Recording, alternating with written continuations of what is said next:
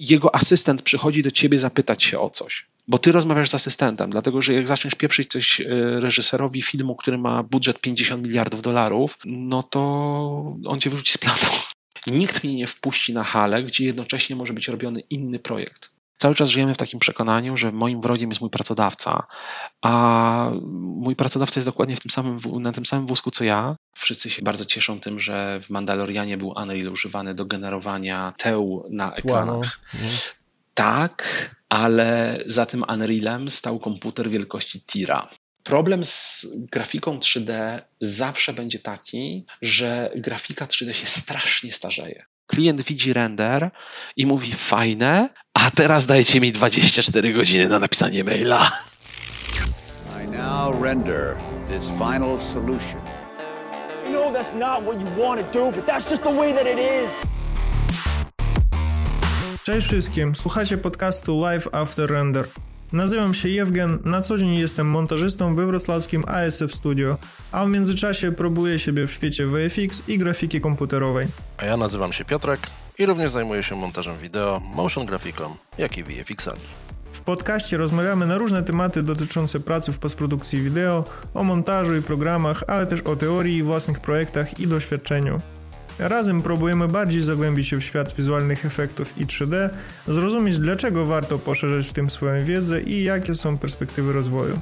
Zapraszamy też różne osoby z branży. Porozmawiamy o tym, jak zaczynali swoją pracę w produkcji i postprodukcji wideo, czym się inspirują i jakie pokonują wyzwania. A do tego, jak głosi nazwa podcastu, nie zabraknie również rozmów na inne życiowe tematy, czyli jak spędzamy czas wolny, czym się zająć dopóki trwa render i co zrobić, kiedy już się skończył.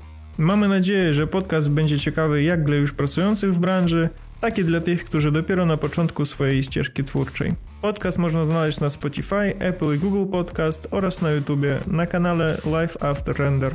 Dołączajcie do nas i zaczynamy! To jest druga część rozmowy z Łukaszem. Jeżeli nie słuchaliście poprzednią, to bardzo polecam do nadrobienia. A w tym momencie zapraszam na kolejne półtorej godziny quality contentu odnośnie pracy VFX Supervisora. Lecimy. Jaka jest, czy, czy w ogóle istnieje y, jakaś różnica pomiędzy pracą na planie filmowym, a planie mhm. reklamowym w sensie bycia VFX supervisorem? Tak. Tak, tak, tak. Jest absolutnie podstawowa różnica. Podstawowa różnica jest taka, że na planie reklamowym wiesz, co będzie finalnie, ponieważ jest storyboard, który jest w zasadzie zamknięty, bo został zaakceptowany przez klienta, więc wiadomo, że teraz robimy ujęcie siódme. W ujęciu siódmym pani przechodzi, uśmiecha się do kamery i mówi o tym, że najgorsze jest w posiadaniu, w, w, najgorsze w byciu kobietą są zatwardzenia przed okresem. I potem uśmiecha się do swojego kota, który przebiega z tyłu, tak? Potem mamy ujęcie ósme, gdzie pani będzie z uśmiechem wylewać y, zielony płyn na tampona, tak? Cokolwiek. Mhm. To jest wszystko zamknięte, to jest wszystko bardzo precyzyjnie ustalone i bardzo precyzyjnie zaplanowane. W filmie fabularnym i to nie jest pretensja do nikogo, żeby nie było. To jest po prostu fakt tego, jak, jest, jak to działa. W filmie fabularnym scenariusz to jest w zasadzie 2-3 do 1, co będzie finalnie w filmie. Scenariusz jest mniej więcej trzy razy dłuższy. Mhm. Tak mniej więcej to z zasady wychodzi. Dlatego, że nie ma ustalonych timingów. Nawet jeżeli firma, y, słuchajcie, no jakby to jest kino, tak? czy to będzie 90 czy 120 minut, naprawdę nie masz takiej różnicy. Może 90-120 to jest, ale czy będzie 90 czy 95, czy 97, mhm. czy 100, to naprawdę nie są aż takie różnice. Przy reklamie to jest 30 sekund, dlatego że 30, dlatego że nie może być 35, chyba że jest to Turcja, bo tam nie ma takich przepisów, nie ma takich zasad, ale mamy blok reklamowy, w którym jest 4 minuty, bądź 40 na pulsacie i to wszystko musi być podzielne przez mhm, 30 okay, sekund, no. tak? Bo mamy reklamy, które będą miały 15, 30, 45, 60 po prostu. I w bloku reklamowym musimy zmieścić określoną liczbę tych reklam. Chyba, że jest na Polsacie, no to wtedy trzeba w określonym bloku zmieścić ilość filmu pomiędzy reklamami. Ale nadal jest pewna zasada. I to jesteśmy zobowiązani tym. Film może trwać tyle, ile chcemy. Też film może być robiony na zasadzie takiej, że słuchajcie, zobaczymy, jak będzie odebrane. Najwyżej zrobi się z tego potem serial na serwisy streamingowe. Mm. Co, co nie tak rzadko się zdarza. Absolutnie. Słuchajcie, ja robiłem jeden z pierwszych filmów, albo w ogóle pierwszy chyba w Polsce film robiony na, po zmianie przepisów, że, że filmy spoza Polski miały ulgi podatkowe w, na produkcję i postprodukcję w Polsce. To był film Złotokap islandzki z Karolinką Gruszką, Kulaken się nazywał i po zrobieniu właściwego filmu okazało się, że film na tyle się podobał publiczności, że telewizja islandzka stwierdziła, że zrobimy z tego trzyodcinkowy serial. Mhm. I doszło weszło 60 dodatkowych ujęć efektowych po prostu, na przykład, na tej zasadzie. A materiał z planu jest. Tak? Czasem jest też tak, że na przykład y, reżyser pisze scenariusz z myślą o tym, że to będzie trzyodcinkowy serial. Mhm. Tak było na przykład z jednym filmem, który robiłem w zeszłym roku, gdzie reżyser po prostu z założenia miał scenariusz na trzy odcinki serialu, ale serwis streamingowy stwierdził, że oni chcą film w granicach 90 minut. Okay. Ale scenariusz im się podoba. Z punktu widzenia realizacji na planie naprawdę nie ma różnicy, czy nakręcimy cały scenariusz, to i tak będzie 25 czy 30 dni zdjęciowych. W skali takiej w skali czasowej, czy będziemy mieli 30 czy 32 dni zdjęciowe, to nie jest aż taka różnica. Zwłaszcza kiedy to jest normalny budżet, a nie taki system, jak niestety funkcjonuje jeszcze w, e, między innymi w Polsce, czyli że zarabiamy na produkcji, a nie na dystrybucji jakby w, w, sytuacjach, kiedy mamy producenta, który stwierdza, że on jakby wie, że produkcja to jest koszt, a mhm. dystrybucja to jest miejsce, gdzie zarabiamy, to jemu się opłaca mieć ten backup pod tytułem miejmy więcej materiałów, bo a nuż widelec, to co nam się podoba w scenariuszu, nie zrozumie tego publiczność. I na pokazach testowych okaże się, że to nie działa i trzeba przemontować, trzeba mieć z czego przemontować. Chyba, że robimy taki numer, jak zrobił Peter Jackson z Hobbitem, że od razu zakładał, że będzie wątek romantyczny pomiędzy Filim a tą elfką, której nie ma w książce, więc nie pamiętam jak się nazywa. Tylko aktorka, która ją grała, powiedziała, że postawiła warunek, że nie będzie, nie podpisze kontraktu, jeżeli, będzie, jeżeli będą wątki romantyczne, których nie ma w książce i zostały zrobione w ramach dokrętek dlatego że okazało się, że w kontrakcie tego nie umieściła, więc wszystkie te sceny romantyczne pomiędzy film a e, nią były robione w ramach dokrętek. No sprytnie. Obejście po prostu jakichś tam planów aktorskich, więc na planie, reżyser, na planie reklamowym raczej nie ma pytań pod tytułem w trakcie ujęcia, czy będziemy w stanie coś zrobić, bo raczej wiemy, co robimy. Wiemy, że tu będzie green screen, wiemy, że ta osoba przebiega, że to się będzie działo. Możemy zmodyfikować pewne elementy pod tytułem, wiesz co, on musi biec jednak, bo wiadomo, nie wszystko da się założyć, tak? Ale może się okazać, że na przykład włosy aktora wchodzą w takie miejsce, gdzie będzie ciężko je wyrotować, więc czy możemy na przykład puścić go trochę inną ścieżką? W filmie fabularnym siedzisz obok reżysera, jeżeli to jest mniejszy film, jeżeli to jest duży film, gdzie jesteś tylko jednym z elementów na planie, to siedzisz przy piątym monitorze i przychodzi do ciebie asystent reżysera, no bo to jest kwestia bardzo praktyczna, tak jakby reżyser jest skupiony, to nie jest kwestia buractwa znowu, no tak, ale tak, jeżeli tak, tak. robimy film z Johnem Favreau, to on jest skupiony na czymś innym i jego asystent przychodzi do ciebie zapytać się o coś bo ty rozmawiasz z asystentem, dlatego że jak zaczniesz pieprzyć coś e, reżyserowi filmu, który ma budżet 50 miliardów dolarów i zaczniesz pieprzyć jak potłuczony po prostu mu nad uchem i e, słuchaj, bo to mi przypomina taką anegdotę, zwłaszcza jeżeli jesteś takim człowiekiem jak ja, któremu się pyszczek nie zamyka, no to on cię wyrzuci z planu. po prostu.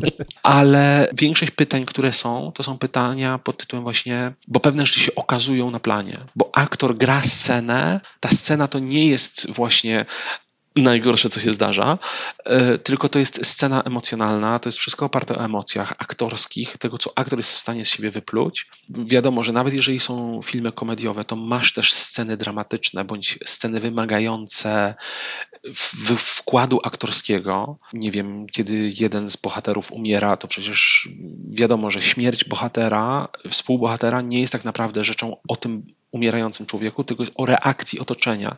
Więc to otoczenie musi też, aktorzy, którzy grają do umierającego swojego współpartnera, oni muszą być w tej roli. Ja tego na przykład nie, bym, nie potrafię, ja nie potrafię być aktorem. Ja bym się zaczął głupio śmiać. Albo spojrzałem w kamerę, tak? E, bo ja tego nie umiem. Aktorzy to potrafią, tak? To jest coś, co oni potrafią wejść w rolę i oni rzeczywiście potrafią zagrać coś Tak? Ja mogę zagrać zirytowanego superwizora i to jest wszystko, co jestem w stanie zagrać. I większość pytań, które są, to są pytania, które właśnie coś się wyjaiło i czy jesteśmy w stanie coś z tym zrobić. Tak, damy radę, jeżeli trafi to do montażu. Mhm. Bo robiłem film z reżyserem, z którym się też znam prywatnie w pewnym sensie, więc jakby trochę inną mieliśmy relację. I właśnie on był strasznie zdenerwowany, że to coś tam się wydarzyło i czy damy radę coś tam zrobić. Ja mu mówię, stary, masz scenariusz na trzy godziny. Mhm a film ma mieć 90 parę minut. Zmontuj i będziemy się martwić. I zobaczymy wtedy, bo to jest właśnie ta kwestia tak, zamkniętego tak, montażu. Dokładnie. Tak, dokładnie. To jest osiągalne. Materiał jest. Tak, jesteśmy w stanie to zrobić. Będzie to kosztowało dużo, ale jeżeli będzie to ujęcie, to znaczy, że nie będzie innych. Mhm. Więc sobie z tym poradzimy. Więc jakby nie przejmuj się tym. Ja mniej więcej jestem na planie po to, żeby kontrolować takie sytuacje i powiedzieć, że nie, słuchajcie, jeżeli to się zdarzy, to ujęcie wejdzie, to znaczy, że musimy pocienkować albo y, ten kijek gdzie indziej, albo musimy dołożyć pieniądze, mm-hmm. bo wiem, co mniej więcej było w innych scenach i co mniej więcej jest do zrobienia w reszcie filmu. To jest właśnie ta kwestia doświadczenia, ale główne pytanie, które jest zawsze przy fabule, to jest, czy będzie w montażu. Okay. Reżyser patrzy na ciebie jak na idiotę i mówi, nie wiem, jak zmontuję, to będę wiedział. No to wtedy ci odpowiem, ile to będzie kosztować. Bo nie wiem, jak długie to będzie ujęcie, nie wiem, z której kamery weźmiesz, w sensie z którego ustawienia, bo może się okazać, że na przykład za aktorem się coś wydarzyło, tak? Spadła lampa. Hmm. Czy pod, Ale innym, to jest... pod innym kątem inaczej tak. kamera, to już będzie całkiem inaczej do zrobienia. Naprawdę, byłem w takiej sytuacji. Pieprznęła lampa z tyłu. Aktor nie zareagował, tylko grał dalej. Mhm. Reżyser przerażony, czy będziemy w stanie coś z tym zrobić, bo kamera się rusza, więc to nie jest prosta podmalówka. Więc ja mówię na spokojnie, zmontuj, będziemy się tym martwić. Tak, to jest do zrobienia. Zmontował i okazało się, że mimo, że aktor to świetnie zagrał, to duża lepsza, dużo lepszy był dubel na aktorkę. Inny mhm. kąt. Mhm. I nagle się okazało, że w ogóle nie ma tego tematu. Więc to są zawsze tego typu dyskusje. Kiedy jesteś na y, planie reklamowym, jesteś jednym z pracowników przy filmie, takim samym jak reżyser czy operator. Kiedy jesteś na fabule, jesteś osobą, która pomaga stworzyć film. Nie posunąłbym się do stwierdzenia, że jestem współtwórcą filmu, mhm. broń Boże, ale na pewno pomagam reżyserowi tworzyć film. Mhm. To jest bardzo dobre i ciekawe określenia w ogóle takiego rozróżnienia. To, to są takie główne różnice właśnie pomiędzy reklamą a fabułą. W gruncie rzeczy z fabułą też jest ten problem, że właśnie jeżeli nie robisz tego w ramach firmy, która będzie robić gro postprodukcji, bo to jest z reguły tak, że jest jeden główny dom postprodukcyjny, który mhm. będzie robić wszystko, co czasem się okazuje, że na przykład y, kiedy przychodzi do zmontowanego materiału, ten dom postprodukcyjny stwierdza, że na przykład będzie to kosztować dużo więcej niż produkcja jest w stanie zapłacić, więc produkcja to zabiera i szuka tańszego rozwiązania. Przy fabule uczestniczysz w dużo większym stopniu, masz większy poziom współpracy pomiędzy działami, w sensie departamentami. W preprodukcji jest tak, że najważniejszym moim kontaktem w zasadzie jest scenografia, mhm. dlatego dlatego że większość pytań, które będę miał, to będą pytania od scenografii. Do jakiego poziomu trzeba wyczyścić ulicę? Czy dotyczy no właśnie od jakiej wysokości mogą być znaki drogowe? Bo to są pozwolenia, bo to jest konieczność zorganizowania na przykład spawarki, bo skoro musimy usunąć znak drogowy, to znaczy trzeba go przy ziemi i potem go trzeba przy, mm. przy, przyspawać z powrotem. Więc to są wszystko koszty i to jest kwestia planowania. Więc to jest tak, że w, jakby w preprodukcji najważniejszym twoim kontaktem jest raczej scenografia. W reklamie ze scenografią rozmawiasz w zasadzie na planie. No tak. Bo projekty są tworzone niezależnie. Kostium w, w fabule też będzie z tobą bardzo dużo rozmawiał, chyba że masz efektowe rzeczy, które wymagają współpracy z kostiumem, ale z zasady jest tak, że ta komunikacja to są jedne, dwa, jeden, dwa maile w reklamie, a w fabule tych spotkań jest po prostu kilkadziesiąt. Często też jest tak, że jesteś po prostu bezpośrednio w kontakcie z kostiumografem, czy z, z człowiekiem, który buduje na przykład jakieś specjalne y, rekwizyty. Jakby pomijając główny proces produkcyjny, masz bezpośredni kontakt z tymi ludźmi, bo obaj jesteście zbriefowani y, przez reżysera i ty musisz przyjść na przykład do kostiumografki y, czy kostiumografa i on ci pokazuje, jak chce zrobić efekt praktyczny, jakiegoś praktykala na planie, nie wiem, spadające ubranie albo podwijający się mhm. krawat albo cokolwiek takiego, albo nie wiem, y, zmieniający się kostium, że kostium się zmienia z kiecy zielonej się zmienia w, w czerwony garnitur i kostiumograf mówi, że ja jestem w stanie zrobić coś na planie i musicie to przetestować. Reżyser tego nie musi oglądać, dopóki nie będziesz zadowolony z tego ty i kostiumograf, bo reżysera to nie obchodzi, reżyser chce zobaczyć skończony efekt, ale to ja muszę powiedzieć, tak, jestem w stanie te linki wymazać, ale tej linki nie będę w stanie, więc tę musimy jakoś inaczej wszeć. W reklamie po prostu rzadko kiedy takie rzeczy są i prędzej są podejmowane decyzje pod tytułem w całości w poście albo w całości na planie i zobaczymy co będzie. Będzie dobrze. tak.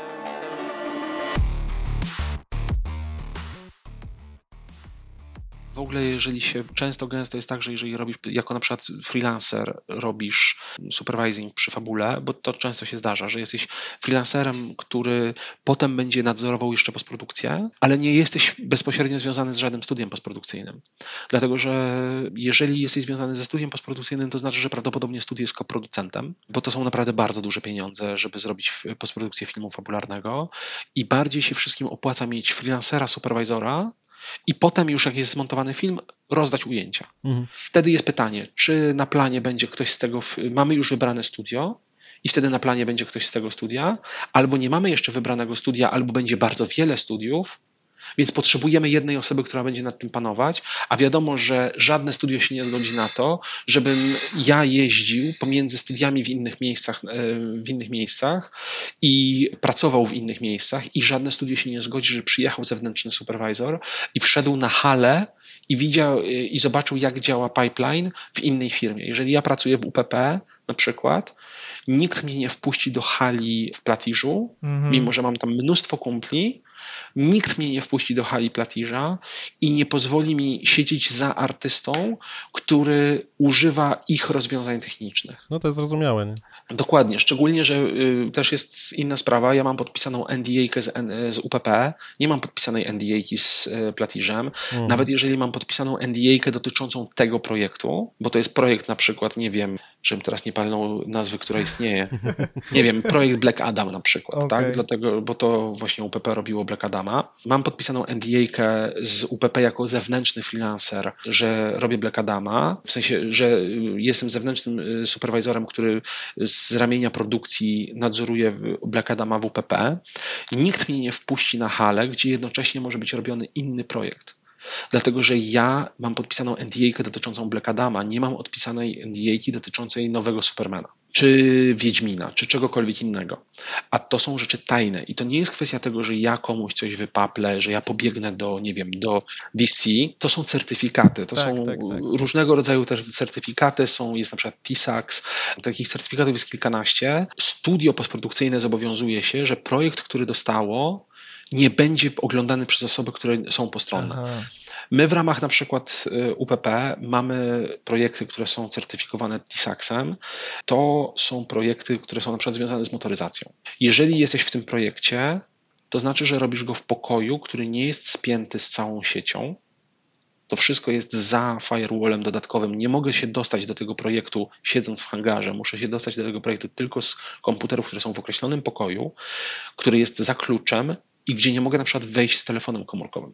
Muszę telefon komórkowy zostawić na zewnątrz, w sejfiku, dlatego że to jest projekt, który dotyczy nowego samochodu Volkswagena na przykład. Mm-hmm. To jest kwestia bezpieczeństwa. To jest po prostu, słuchajcie, to jest szpiegostwo gospodarcze. Jest no jak właśnie chciałem to powiedzieć tak, jak, jak szpiegostwo to przemysłowe czy gospodarcze. Dokładnie, tak, tak. tak, przemysłowe, masz rację.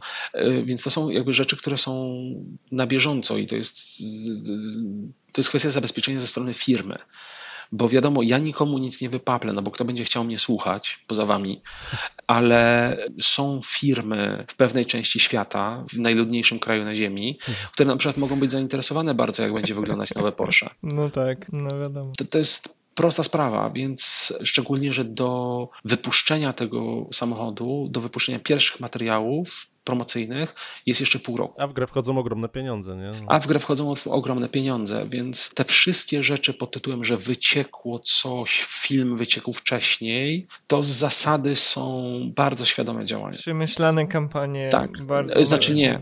To są świadome działania wkurzonych pracowników. A, w tym sensie, okej. Okay. Że ktoś się wkurzył na produkcję, więc wypuścił Wolverina wcześniej.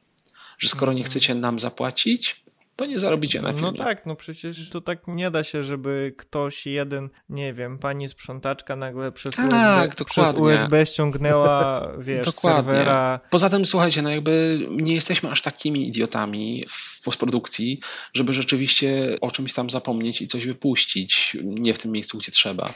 Zdarza się, oczywiście, bo jesteśmy tylko ludźmi, ale z zasady... Nie na takiej skali, jak to się dzieje. Tak, tak. tak. Z zasady to jest zemsta albo chęć zysku. Po prostu, że tak. ktoś coś sprzedał albo po prostu się mści. To jest dużo częściej, że ktoś się mści. to, co powiedziałeś wtedy do przodu troszeczkę z, tym plan, e, z tymi planowaniem i zarządzaniem jakby projektami. Pytanko mam, już czekam na ten moment powypytywać odnośnie całego pipeline'u. Workflow. O, pro, o A tutaj właśnie wiem, bo tak, workflow, znaczy ogólnie rzecz biorąc jest tak. Workflow to jest dlaczego nie działa, a pipeline to jest co nie działa. Okej. Okay. Technicznie rzecz biorąc, pipeline no. to jest to, co zajmuje się wymianą danych. Mhm. To jest, ja wiem, że tutaj jestem trochę, się czepiam słów, tylko to jest ważne, żebyśmy mówili tym samym językiem. Nie, to jest to, ciekawe, pipeline bo... to jest formalna wymiana danych, czyli że asety, czyli nie wiem, czy to są asetem może być, nie wiem jak się dobrze przetłumaczyć na język polski, asetem może być coś wygenerowanego w 3D, tak, mogą jedno, być stoki. jakby, nie wiem, tak, zasoby. Tak, zasoby. Tak, tak, tak, Zasobem może być właśnie render, może być sto, stokowe ujęcie kupione na mhm. Shutterstocku, może być ujęcie z planu, asetem też może być tekstura, zdjęcie tak. referencyjne, cokolwiek. 3D modelka. Info, tak, model. informacje o tym, cache z Houdiniego, Alembiki, cokolwiek.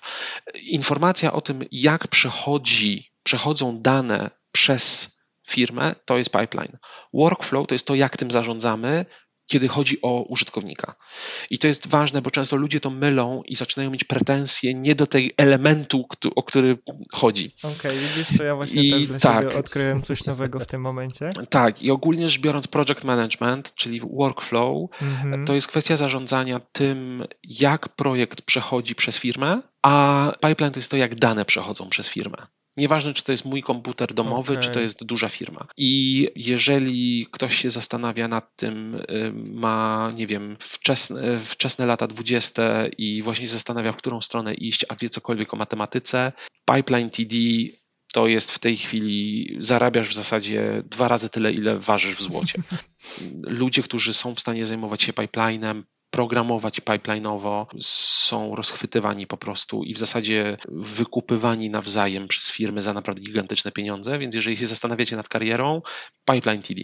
Naprawdę, czyli technical director zajmujący się pipelinem. Naprawdę wejdźcie na LinkedIn i 6 na 10 najlepiej płatnych stanowisk, które obiecują najwięcej, łącznie z e, ten udomowioną lamą i odrzutowcem dla e, człowieka i dla lamy, to są właśnie Pipeline TD.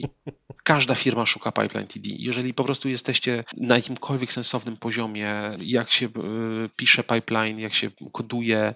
Ale w zasadzie, w zasadzie co? Żeby nie było, znowu wracam, żeby nie było burdelu w przekazywaniu danych? Jak to ująć? Tak, dokładnie tak. To są ludzie, którzy kodują, to są ludzie, którzy znają mhm. przynajmniej Pythona, znają softy, które są używane w postprodukcji mhm. i są w stanie pisać skrypty, które są odpowiedzialne za wymianę Właśnie, danych pomiędzy. Żeby taki na przykład trzydowiec, który chce oddać do, kom do komputera tak. Y, model 3D, miał, miał skrypt, który mu wyśle. Dokładnie tak. Od razu pomiędzy... Dlatego, że słuchajcie, w, nawet w małej strukturze, i to Jewgeni podejrzewam potwierdzisz, yy, projekty, które robisz, to jest relatywnie mała struktura, tak? Dlatego, że jest tutaj między jedną a pięć osób, tak? No tak, tak. Nawet w małej strukturze korzystanie z przeglądarki pod tytułem Explorer czy Finder i wyszukiwanie manualne plików to jest mordęga. To jest coś, czego -hmm. próbujesz jak najbardziej uniknąć. Chcesz mieć porządek w plikach. Więc ideałem jest to, że wszystko się dzieje w granicach softu. Czyli mam w Houdinim guzik, który mówi opublikuj mój cache, mm -hmm, opublikuj mm -hmm. moją mhm. symulację, opublikuj moje cokolwiek. Komper dostaje informację na maila czy w softie do obsługi projektu, dostaje informację, nowe dane zostały opublikowane, otwiera Nuka, Flame'a czy cokolwiek innego, naciska guzik loader i, ma tu... i on ładuje mu dane. Okay. I ja nie wiem, gdzie są dane na dysku bo to, że muszę odpalić Explorera, przeklikać się przez 40 katalogów, mhm. to jest strata czasu. No właśnie, i tutaj no jeszcze wchodzę o to oprogramowanie. Tak. Jak w ogóle zarządzałem te systemy wersji, jakby to właśnie, żeby się nie pogubić. Właśnie o to chodzi, tak? Tutaj też do, do, dotknąłeś poważnego tematu, czyli właśnie kwestia wersji, tak? Mhm. Czyli żebym jako supervisor był pewien, że wysyłam do klienta wersję, którą on zaakceptował i że to jest wersja ostatnia. O, tak, odnalezienia tak. z tym, w tym wszystkim, Dokładnie jak i dla tak. ciebie, tak i dla klienta. Tak. Dlatego, że nawet w prostym projekcie może być pięć wersji kolejnych montażu, mogą być trzy wersje koloru, mhm. mogą być cztery packshoty, a do tego dochodzą poważniejsze projekty, gdzie dochodzą na przykład różne postaci zrobione w 3D. I teraz tak, mama będzie wersją trzecią, tata będzie wersją czwartą modelu, ale wersją trzecią y, animacji, mhm. ale siódmą wersją re, y, świecenia, ósmą wersją renderu. Tak? To jest właśnie tak naprawdę gdzieś pomiędzy pipelinem a workflowem. W tej chwili do większości firm postprodukcyjnych dotarło, że programiści rozwiązali ten problem w latach 90. Aha. I stworzyli coś, co się nazywa Agile Project Management. I nie spotkałem jeszcze żadnej osoby, która byłaby mi w stanie wytłumaczyć, co to znaczy. E, ja właśnie nawet nie chciałem tego zadawać pytania konkretnie, tak. jaki macie tam e, Agile, czy Scrum, czy cokolwiek, bo ja też jestem, o ile też pracowaliśmy z Piotrkiem też w firmie i nam gdzieś tam próbowali to wytłumaczyć i powiedzieć, powiedzieć. Oni sami tego nie rozumieją. Słuchajcie, będziemy pracować według tak, Scrumu tak. czy Agile'u, a ja mówię, okej, okay, ale mogę dostać taska po prostu, co mam zrobić i tyle. Znaczy nas w końcu zostawili w spokoju, więc no, mogliśmy się rządzić sami. Tak, ale właśnie kiedy masz projekt, gdzie masz, nie wiem, tysiąc y, shotów, które są zbierane z jeszcze ilością wersji i tak dalej, to chyba Naprawdę coś, wystarczy 20. Żeby... Okej, okay, żeby w tym Wystarczy 20 shotów. Słuchajcie, wystarczy 20 shotów i y, używając hasłowo UPC-usz, czyli ten stworek UPC, mhm. który lata pomiędzy pokojami i w każdym pokoju jest inny produkt, bo w jednym jest laptop, w drugim jest telefon, w trzecim jest telewizja, a w czwartym jest dzieciak grający na kompie w strzelankę, Fortnite'a. tak? Fortnite'a. Tylko nie możemy pokazać Fortnite'a, bo okay. nie wolno reklamować więcej niż jednego brandu w większości w telewizji. Nie da się nad tym zapanować tak po prostu, tak? Trzeba mieć system zarządzania tym wszystkim.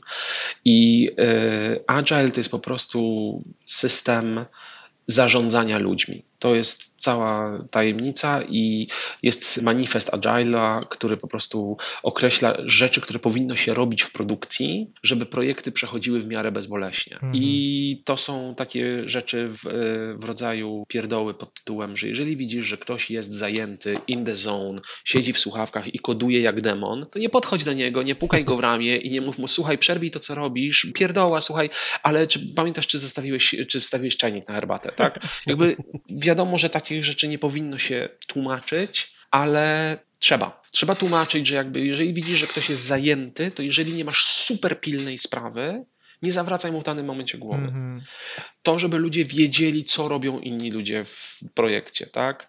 Żeby nie było sytuacji, że ktoś czeka na. Ja czekam na Twojego taska i Ty mi nie powiedziałeś o tym, że ten task jest skończony albo że ja się nie dowiedziałem tego, że ten task jest skończony. Żeby ludzie wiedzieli, na jakim etapie są taski w firmie. To jest wszystko proste, kiedy jesteśmy w jednym pokoju i możemy się kopnąć w krzesło, ale kiedy jesteśmy w dwóch różnych pokojach, nikomu się nie chce wstawać.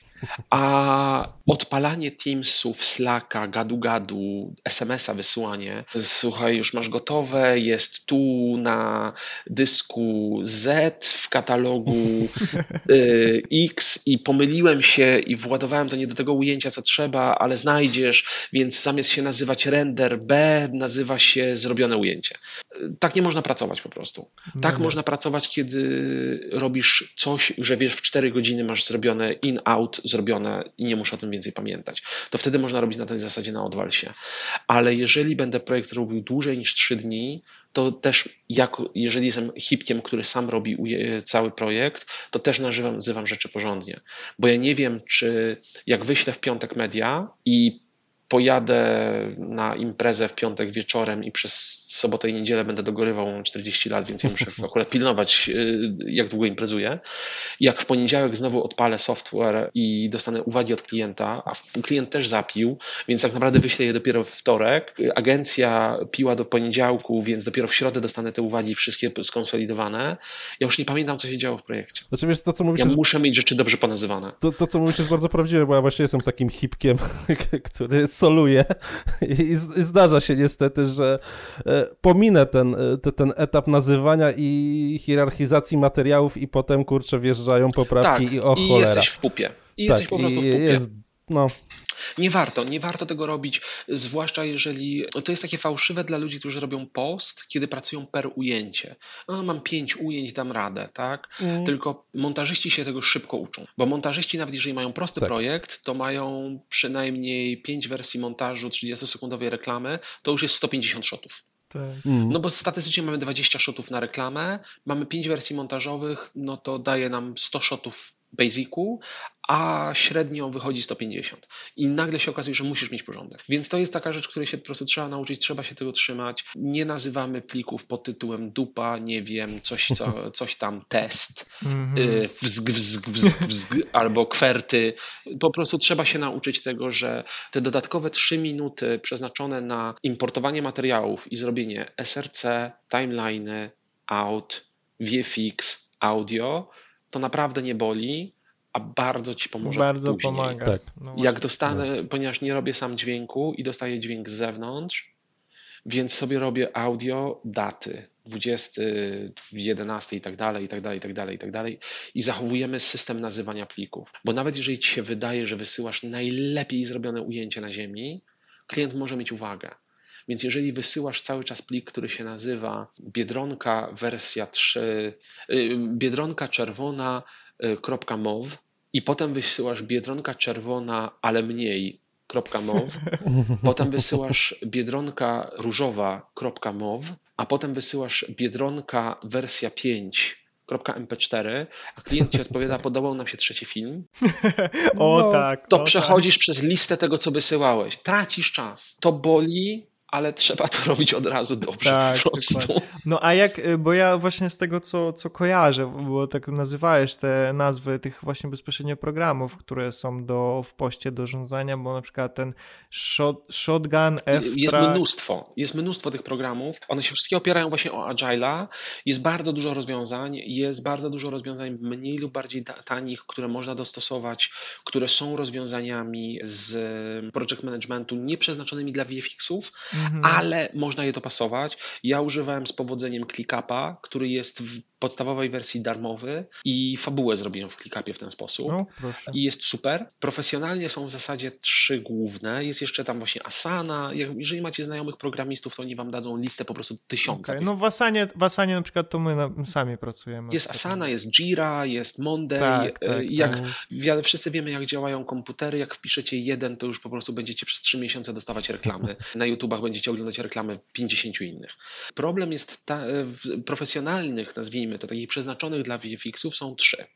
Jest F-Track, tak. jest Shotgun, który jest własnością Autodesku. Shotgrid chyba. Shotgrid teraz, tak. tak. Shotgrid. Ja jestem jeszcze w tym wieku, że mówię Shotgun, bo pamiętam, kiedy to był software niezależny. I jest Cerebro, Cerebro, Cerebro nie tak. używamy, bo jest rosyjskie i jest to powód, który w tej chwili jest powodem dość ważnym dla bardzo wielu firm w Europie, że nie używamy Asetera, nie używamy, y, nie używamy rozwiązań po prostu z Rosji, okay. bo słowa Ukrainie.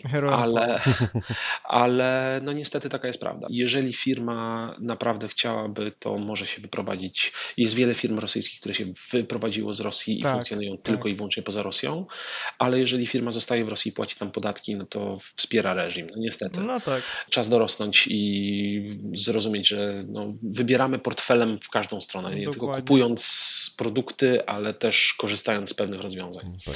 F-Track jest mniej popularny, bardziej popularny jest ShotGrid. ShotGrid ma przewagę taką, że jest trochę lepiej zintegrowany z softami Autodesku, co jest zaskakujące, biorąc pod uwagę, że jest własnością Autodesku. E, niestety ma problem taki, że ma interfejs zrobiony po prostu w oparciu o bardzo źle zrozumianego Excela. Jest straszny do używania. Mm. Po prostu nie znoszę pasjami. F-Track jest dużo fajniejszy, jeżeli chodzi o Wixy. Trochę gorzej jest z integracjami cenowo one są w miarę podobne. Ogólnie rzecz biorąc jest tak, że out of the box żadne z tych rozwiązań nie będzie pasować dla większego studia. Wszystko Zawsze musi tak, być customowe jednak. Wszystko musi być customizowane, więc potrzebujemy mhm. IT, potrzebujemy działu IT, który będzie w stanie to ogarniać, dlatego że tak po prostu z pudełka te softy są dość zrobione w pewien określony sposób, pod pewne określone zadania. Do rozwiązań pipeline'owych jest bardzo dobre semi-darmowe rozwiązanie, które się nazywa OpenPipe i to jest bardzo fajny soft, który zajmuje się właśnie wymianą danych pomiędzy programami.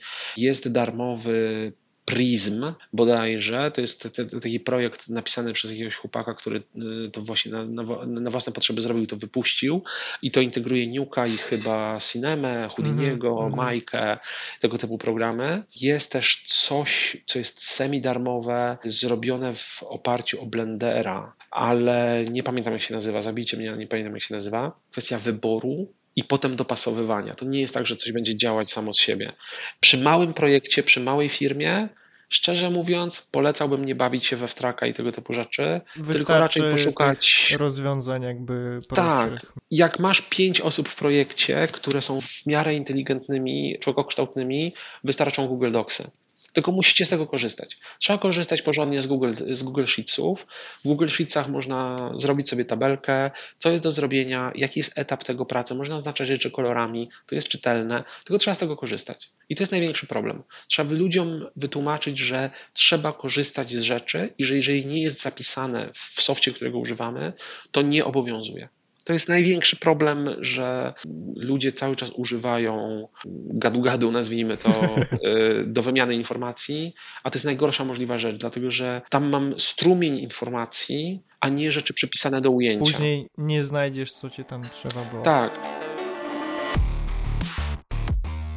Jeszcze tak zostając przy softie, jakie macie w ogóle, jak wyglądają software'owo na przykład VPP, czy o ile możesz o to powiedzieć? Chodzi tak, o jakiego to... softu używacie? No rozumiem, że to chyba jest... To jest międzynarodowe wydaje mi się, bo w momencie, kiedy wyjedziemy z Polski, nikt nie używa After Effectsa. O proszę. Do zadań, nazwijmy to może nie tyle profesjonalnych, ale do compositingu nikt nie używa After Effectsa w zasadzie. Oczywiście to też nie jest do końca prawda. Jest bardzo fajny film, który się nazywa Everything Everywhere at Once, mhm. który zrobiło pięciu chłopa w After Effectsie. Pięciu ludzi, którzy zdecydowali się na After Effectsa, bo wszyscy znali After Effectsa. Mhm. Po prostu. Bo każdy zna Aftera. No jeżeli pracujesz w poście, no to pracowałeś z After Effectsem po no, prostu, w mniejszym lub no, większym stopniu. Tak. Ale After ma ten problem, że jest niemożliwy do zintegrowania z pipelinem, dlatego że jest softwarem bardzo zamknięty. Jest softem, który jest też przeznaczony do pracy raczej nad sekwencją niż nad ujęciem, a pracuje się nad ujęciami. Jak rozdzielam pracę, to rozdzielam pracę per ujęcie. Mam pięciu artystów mm -hmm. i mhm. każdy z nich dostaje albo to samo ujęcie do pracy, bo każdy robi coś innego, coś innego albo, albo każdy dostaje po jednym ujęciu. Drugi soft, który jest absolutnie dominujący, jeżeli chodzi właśnie o prowadzenie sekwencji, to jest Flame. To jest soft, który był w odwrocie przez parę lat ale biorąc pod uwagę, że jest, jest w tej chwili jedynym softem, który pozwala zrobić jednocześnie bardzo zaawansowane kompo, a jednocześnie odtwarzać w real time TPX-y mm -hmm. albo XR-y, no po prostu mhm. Flame jest dominujący. Y, Flame ma porządną przestrzeń 3D, czego nie może na przykład pochwalić, czym się nie może pochwalić Nuke. Jestem Nukowcem od prawie już pełnoletni, pełnoletnim niukowcem, ale niestety w niuku bardzo szwankuje w porównaniu z Flame'em na przykład, bardzo szwankuje e, przestrzeń 3D. Flame jest po prostu, e, zresztą to, to też jest tak, że ludzie często porównują Flame'a i niuka, to trochę nie do końca się da porównać, bo można porównać e, Flera i niuka, bo Flare to jest tak naprawdę taki Flame okrojony ze wszystkich rzeczy, które zajmują się prowadzeniem sekwencji i ma tylko rzeczy przeznaczone do pracy nad jednym ujęciem. I w Flame to się nazywa batch. To jest właśnie batch, to jest tam, gdzie robisz kompo do danego ujęcia. W ramach tego batcha oczywiście jest action, gdzie możesz robić 3D i tak dalej, i tak dalej, żeby było łatwiej. Ale to jest soft, który jest bardzo stary po prostu, więc on ma też swoje pewne narowy, które są związane UX-owe i workflowowe, które są związane z tym, że to jest po prostu software, który już ma 30 lat. Mm. I nie da się go zmienić po prostu bez zmiany kompletnej softu. Ale compositing to jest głównie Nuke na całym świecie i Flame do finishingu. Jeżeli chodzi o finishing i online, to w zasadzie Flame jest dominujący na całym świecie poza Polską.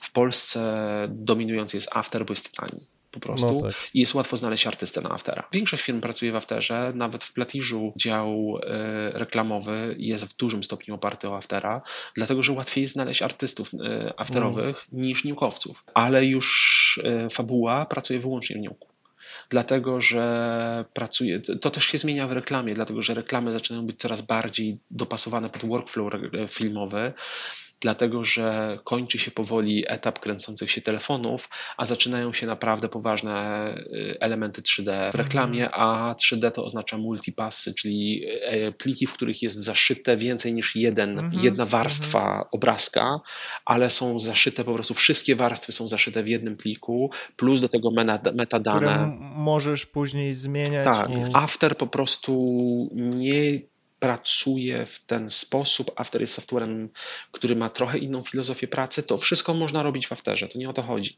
Tylko chodzi o tempo pracy. Motion design można robić w Nuku, ale no tak, jest to wolne. Do tego jest na przykład Cinema. Do, do tego jest Cinema i do tego jest After, tak. po prostu.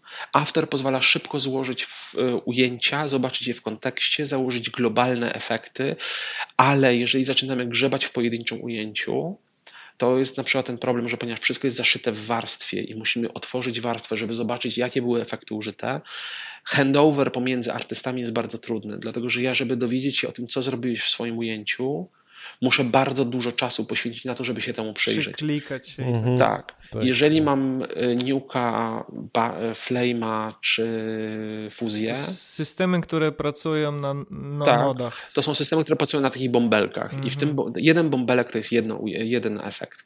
I jeżeli widzę, że tutaj jest bąbel, który mówi, że tutaj jest materiał źródłowy, a potem mam bąbel na przykład w Nuku, który jest w takim kolorze, kolorze sraczki niemowlaka, taki brązowy, to wiem, że to będzie albo blur, albo sharpen, ale ta kategoria efektów. Jeżeli jest taki majtkowy róż, to znaczy, że to jest jakaś transformacja, że to jest skalowanie, przesunięcie, mhm. corner pin. Jeżeli jest granatowy, to znaczy, że to jest merch, tutaj są składane ze sobą rzeczy. Jeżeli ma, jest zielony, to znaczy, że to jest roto albo klucz. Więc jakby wizualnie widzę, w którym momencie co się Już dzieje. Szybko, szybko czytasz tak. jakby gdzie to, a w Afterze ty Dokładnie musisz tak. przez te pre, prekompozycje przyklikać się i tak Dokładnie tak, tak. tak Więc to jest po prostu kwestia tempa pracy. Zwłaszcza, że każdy artysta jeszcze używa własnych kolorów w Afterze, nie? I to potem przechodzisz przez to wszystko i masz taki, taki rainbow. Kurs. Tak, to jest kwestia większej, większa firma oznacza, że musimy takie rzeczy standaryzować. Mm. To jest akurat to samo, ten, ten sam problem dotyczy Nuka czy Flame'a, ale duże firmy template'ują te rzeczy. Template to znaczy, że jest jakby wzornik i nie wolno ci tego wzornika zmienić. Masz bardzo mały zakres, w którym możesz zmienić ten wzornik, ale na przykład y, rendery 3D muszą być w prawym górnym rogu, na swoim taki, taki, podkładce. Fundam, tak. Fundament w pewnym sensie. Tak, do... dlatego, że nie kończysz swoich ujęć. Mhm. Dlatego, że twoje mhm. ujęcie, dzisiaj dostaniesz ujęcie 315, a jutro dostaniesz 320, a 300 315 kończy kto inny. Więc y, to musi być ustandaryzowane po prostu. A w pracy jednoosobowej, hipkowej też pomaga, dlatego że wracamy do ujęć po miesiącu, po tygodniu, po pół roku na przykład bo nagle się okazuje, że klient mówi, a słuchaj, pamiętasz ten projekt, który robiliśmy pół roku temu? Na przykład chcielibyśmy zrobić jeszcze raz ten projekt, tylko że musimy wymienić dwa ujęcia i wymienić opakowania. Mhm. Więc przydaje się, jeżeli masz jeden system nazywania rzeczy, jeden system kolorowania. Bardzo szybko się odnałeś. Tak? Dokładnie znaczy, tak. Choć tutaj tak czy siak masz rację, bo faktycznie powrót do projektów afterowych po długim czasie no, no nastręcza dużo problemów jeszcze, w odnalezieniu się. Tak, już nie chcę w to się zagłębiać, ale ta jakby ilość e, tych update'ów i tak dalej, co A wszystko to jest później inna, psuje. Inna Tutaj już bardzo dużo słów e, padło, software'owych nazw i tak dalej. To ja jeszcze mam takie pytanie, bardziej wracając na plan filmowy.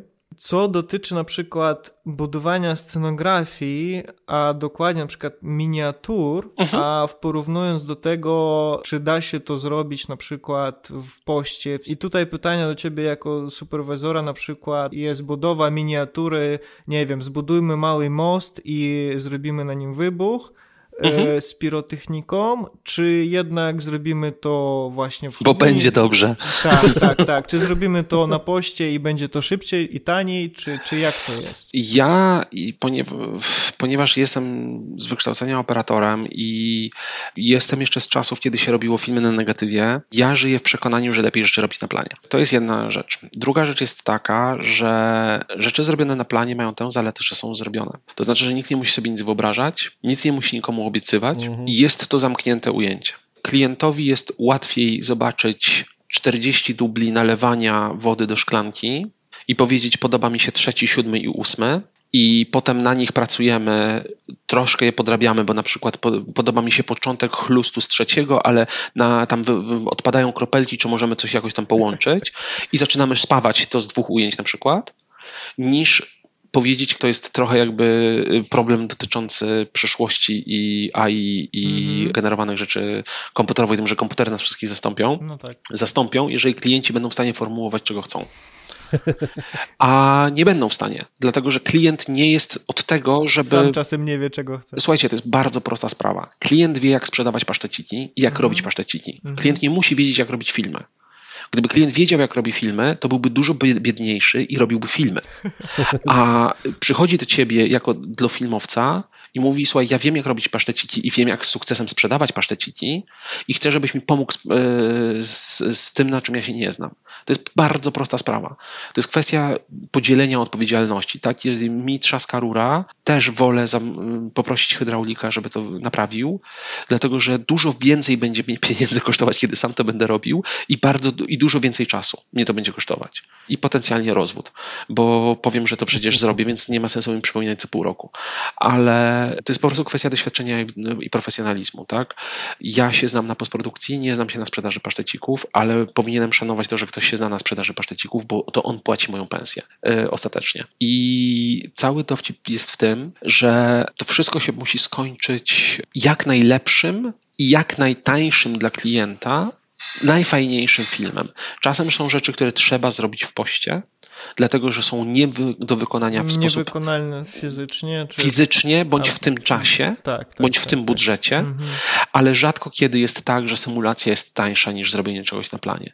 Jeżeli to jest realistyczny efekt, to naprawdę w sześciu przypadkach na dziesięć oceniłbym, że y, lepiej byłoby to zrobić na planie. Mhm. Dlatego, że to może być tańsze do zrobienia w postprodukcji, ale efekt będzie prostszy do osiągnięcia i prostszy do zaakceptowania przez klienta, kiedy będzie go widział. Bo to jest ten problem, że klient nie wie, jak wygląda postprodukcja i dla klienta się może być takie hasło pod tytułem, że robimy to w komputerze, to znaczy, że możemy zrobić wszystko. Mhm. Co nie zawsze jest zgodne z prawdą, dlatego że trudno jest czasem wytłumaczyć klientowi, że symulacja rządzi się pewnymi prawami fizycznymi. To jest fizyka.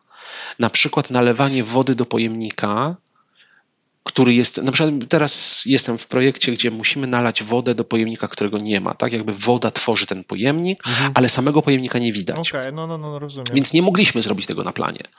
Zrobiliśmy to na planie jako referencja, na zasadzie takiej, że słuchajcie, bo klient sam nie był pewien, klient zobaczył, jak to wygląda, stwierdził, nie, chcemy, żeby tego pojemnika tam w ogóle nie było. Więc musimy tą wodę obciąć, włożyć swoją symulację. Ja muszę wytłumaczyć klientowi, że słuchajcie, wiadomo, że tutaj jest pewien, że to jest trochę wraca, wracamy do liceum, tak? Dlatego, że mamy tą równie idealnie pochyłą, po której suwa się klocek i to jest pojemnik, który jest idealnie płaski. Tak? To nie jest plastik czy tworzywo, które jest delikatnie wybrzuszone i ta woda będzie się rozpraszać po nim w określony sposób. To jest idealnie płaski materiał, który może mieć zerową przylepność, ale to się rządzi pewnymi prawami fizycznymi. Ja kiedy robię symulację, żeby ona wyglądała realistycznie, muszę zadać warunki brzegowe, które są bliskie realistycznemu zachowaniu wody. Co powoduje, że nie wszystko mogę zrobić. Mogę zmienić granulację i stwierdzić, że woda będzie właśnie bardziej pogranulowana, tylko wtedy nie będzie wyglądać jak woda. Jak kisiel taki. Tak, mogę powiedzieć, że ma dużą lepkość, czyli będzie miała taką małą bardzo granulację, tylko że wtedy będzie wyglądać jak olej a nalewamy wodę. I to jest czasem problem wytłumaczyć klientowi, że słuchajcie, ja wiem, że to jest komputer, ale to jest nadal fizyka. To nadal jest realizm, nadal jest prawdziwa rzecz. My próbujemy symulować rzeczywistość, a nie symulować magię, nazwijmy Coś, to. czego nie istnieje. Tak. To nie jest, e, coś, czego nie wiemy, jak, jak to w Dokładnie. Nawet jeżeli, słuchajcie, patrzymy na filmy i mamy Lorda Voldemorta, który robi to on też wystrzeliwuje błyskawicą. I oczekujemy jako widzowie, że to się będzie zachowywać w miarę jak błyskawica. Bo że to nie będzie- tam wiemy, jak Tak. się zachowuje ta błyskawica. Dokładnie tak, bo dla nas to będzie kleić się, że to jest błyskawica, bo jeżeli to będzie idealnie prosty promień, to wtedy jest laser, tak? Jakby odwołujemy wszystko, co widzimy wokół siebie, odwołujemy do swoich doświadczeń, więc trzeba też te doświadczenia w jakiś sposób y, odwoływać się do tych doświadczeń też świadomie, tak? Jeżeli mamy robocika zrobionego z kulki, który się kręci, no to wiadomo, że główka nie może dotykać powierzchni, tak? Y, dlatego że będzie tarcie i to jakoś jest dziwne. Lepiej stwierdzić, że tam jest jakiś grawitacyjny napęd, ok, i odstaje i on wtedy może bez problemu się kręcić. I super. Ale może się okazać tak, że taniej i lepiej będzie coś zbudować. Teraz wracamy do tematu miniatur. Miniatury wracają na szczęście w wielkim stylu. Miniatury trochę zaginęły w latach 90., a szkoda. To jest bardzo trudny sposób filmowania, dlatego że on wymaga też pewnych rzeczy związanych z samym shootem, bo nie można kręcić 25 fps-ów. Są specjalne wzory matematyczne, które określają, jak powinno się kręcić, jak powinno się zmienić klatkarz w zależności od tego, jaki jest, e, jaka jest skala miniatury. Jest problem z oświetleniem, dlatego że zmieniają się, dlatego że wiesz, to jest kwestia e, prędkości ruchu kamery nawet, Mhm. że e, nie jesteś w stanie, jeżeli mamy Blade Runnera, pierwszego, Okej. tego oryginalnego, Tak, tak, tak. i mamy lot nad miastem, Mhm. no to z jaką prędkością porusza się nasz e, statek, nasza taksówka powietrzna? Mhm. Ona się porusza z prędkością powiedzmy 50 km na godzinę, ale nasz film jest przez, nasza miniatura jest przeskalowana 1 do 500 na przykład. Czy tam 500 no, do 1. Tak, i on nie może Więc faktycznie- nie mogę powiedzieć wózkarzowi, słuchaj, to teraz idź 3 metry na sekundę, tak. e, czy metr na sekundę. Tak, fizyka. dokładnie, to musi się wszystko zgadzać. I są do tego wzory matematyczne, są do tego ludzie, którzy się na tym znają i oni powoli od, e, e, wracają znowu. Miniatura ma wiele zalet, ale też z miniaturą jest problem czasem ze skalą. Czasem widać na przykład, że na miniaturze są robione rzeczy. Dobrym przykładem jest Władca Pierścieni, gdzie enty ten, rozbijają tamę na rzece w Isengardzie i widać, że woda, która y, wylewa się, to jest woda zrobiona na miniaturze, dlatego że skala, nie, nie zgadza się skala wody. Bo skala wody Jest- jest taka sama, nie? Dokładnie, bo nagle się okazuje, że zaraz te granulki wody są trochę jak u mnie w kranie, Mhm, mhm. a end ma wysokość 25 metrów. Więc coś się nie skleja.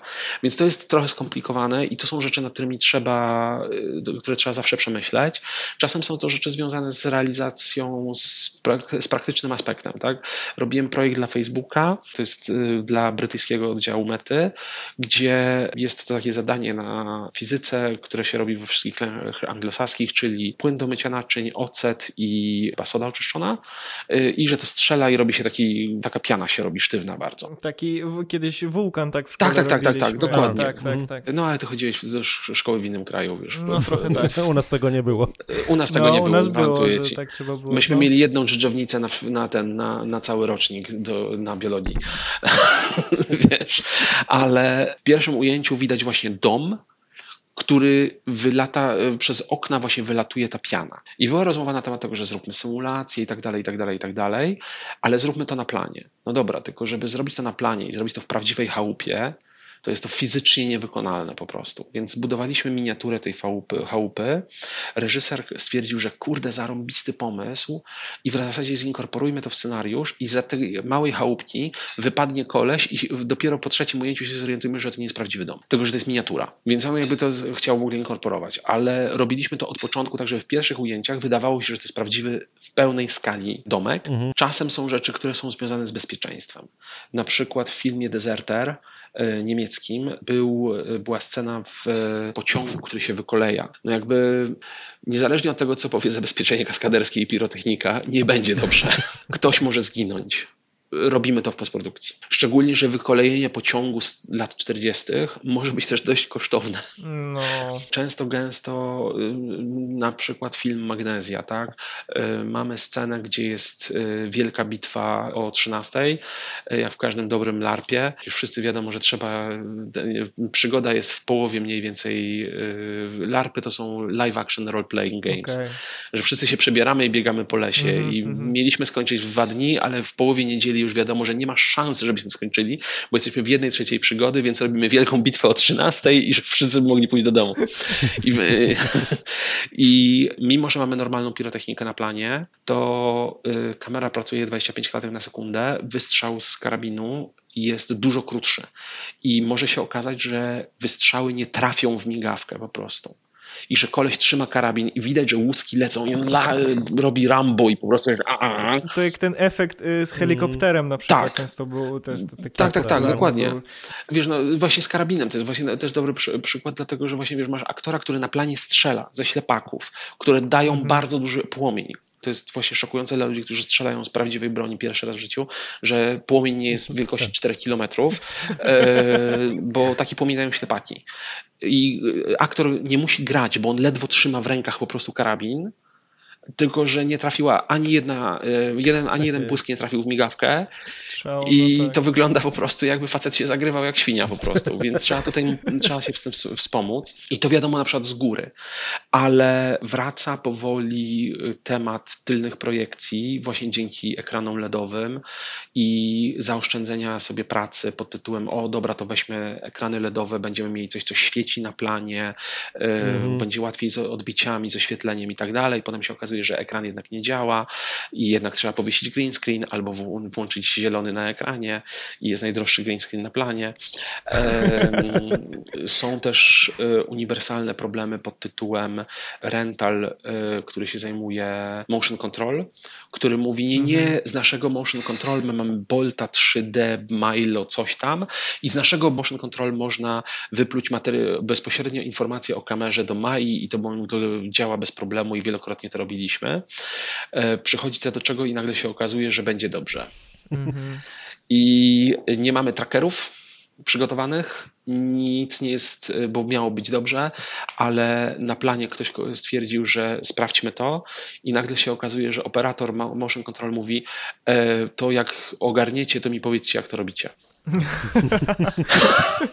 Okay. I efekt jest taki, że nagle na gwałt przyklejamy trackery, albo mamy znanego polskiego aktora, który teraz będzie grał w nowym Mission Impossible, mm -hmm. ubranego w latex e, motion, motion, motion capture'owy, tylko okazuje się, że niestety jakimś cudem te dane nie zgadzają się w ogóle z rzeczywistością. Albo na przykład nie złapał głowy. Mimo, że Marcin chodził w opasce, to mm. model ma taką głowę przez całe ujęcie. Mhm. I nagle się okazuje, że trzeba spod palucha Trakowa 20 minut trakować, y, rotoskopować. Znaczy, to, to akurat jest y, trakowanie postaci, to jest, to jest ten błąd trochę problematyczny. Rotoskoping to są dwa pojęcia. To jest wycinanie ludków. Tak to jest roto, ale rotoscoping to też jest manualne animowanie modelu 3D, żeby pasował do ruszającego się obiektu. Mhm, mhm. Nie, to no też ja, jest rotoskopia. No tak, rotoskopia. Tak, tak, to, to, to, Nie, ja powiedziałem, chodzi mi o trakowanie, bo tak powiedziałeś, że ten, o, o, o, tym ruchu kamery, nie, że nie, ma, nie było trackeru, Będzie bo, dobrze. bo było, było do, tak, bo miało być dobrze. Tak, i to jest właśnie ten problem, że im więcej rzeczy zrobimy na planie, tym więcej rzeczy jest zaakceptowanych, tym więcej rzeczy wiemy, co nas czeka, i tym więcej rzeczy jest zrobionych, zaakceptowanych i eliminujemy ten problem wizji, że ja nie wiem, co chcę.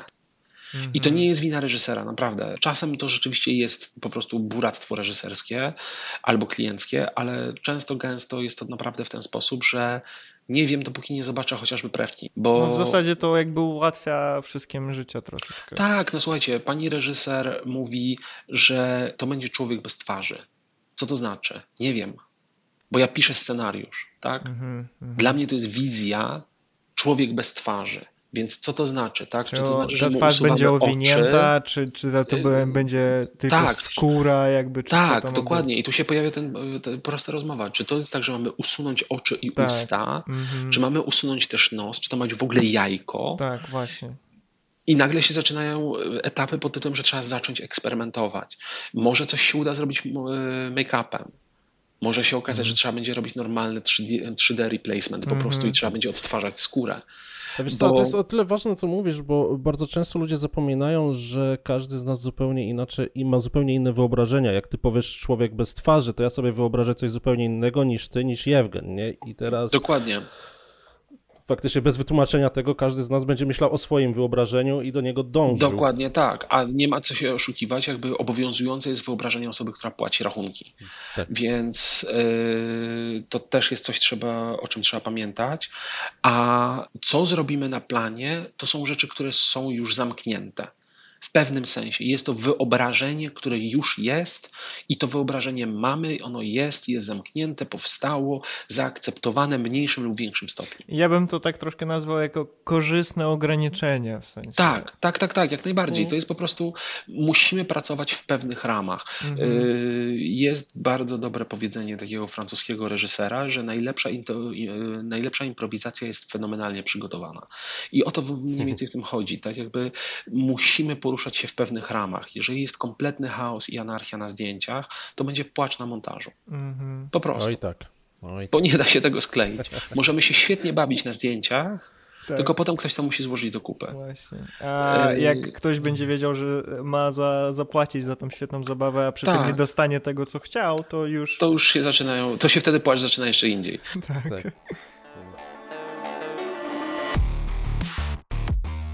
Chaos i anarchia w montażu i potem musisz komuś to oddać do zrobienia efektów, to nagle się okazuje, że ja potrzebuję czterech dni, żeby się ogarnąć w nazewnictwie plików, dlatego że używałeś materiałów rzeczywiście nakręconych na planie, ale jeszcze ściągnąłeś coś z internetu, co nie ma timecodu, wszystkie rzeczy są nakręcone kołpakiem do Trabanta, nie mają timecodu, nie mają nazw, bo wszystkie się nazywają clip 1, .mov. Ale ponieważ są na żru, w różnych miejscach u ciebie na dysku, to nie powodują konfliktów na timeline'ie ale teraz ja muszę to złożyć do kupy. To nie jest problem, kiedy to ma 30 sekund, to mogę spod palca tam sobie porównać, ale jeżeli to jest półgodzinny film dokumentalny, no to ja cię zatłukę po prostu. No tak. Kiedy ja muszę zrobić konform tego, bo muszę zrobić grading i efekty, tak?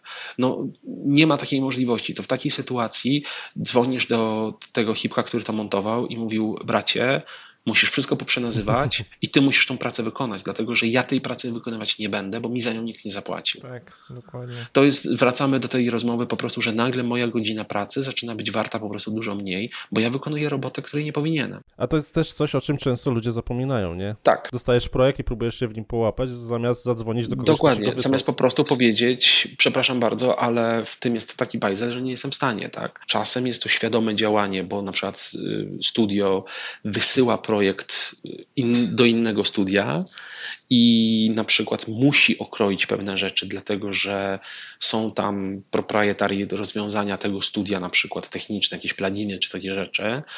I w, wtedy zgłaszamy taką uwagę, że słuchajcie, tutaj był wykorzystany plugin na przykład do Mai czy do czegoś, który został napisany wewnętrznie i nie jesteśmy w stanie wam niestety dać pliku źródłowego, możemy wam dać tylko efekt pracy tego pluginu bo nie możemy wam dać mhm. tego pluginu, dlatego że on jest nasz. Więc tutaj jakby się to zdarza, tak? Jakby jeżeli mamy dużą firmę w rodzaju Sony na przykład, która używa swojego programu do, kompozy do compositingu, nie używają w zasadzie Nuke'a, to y, czy mamy w ogóle jakąś dużą firmę w rodzaju Mila czy MPC, to oni mogą nam dać projekt Nuke'owy, tylko że ich Nuke nie ma nic wspólnego z Nuke'iem, który jest normalnie dostępny komercyjnie, bo oni mają taką ilość własnych narzędzi, Albo że... jak, jak Maja Weta chyba i cały Autodesk Weta jest po prostu na tyle przerobiony. Tak, to jest tak skustomizowane, że po prostu, słuchajcie, w bardzo wielu dużych firmach jest tak, że jak odpalasz Nuke'a, to tylko Blur Noda jest jeszcze podobna do czegoś po prostu, co znasz. że jak przychodzisz do pracy w wielkim studiu, to musisz się od nowa nauczyć softu.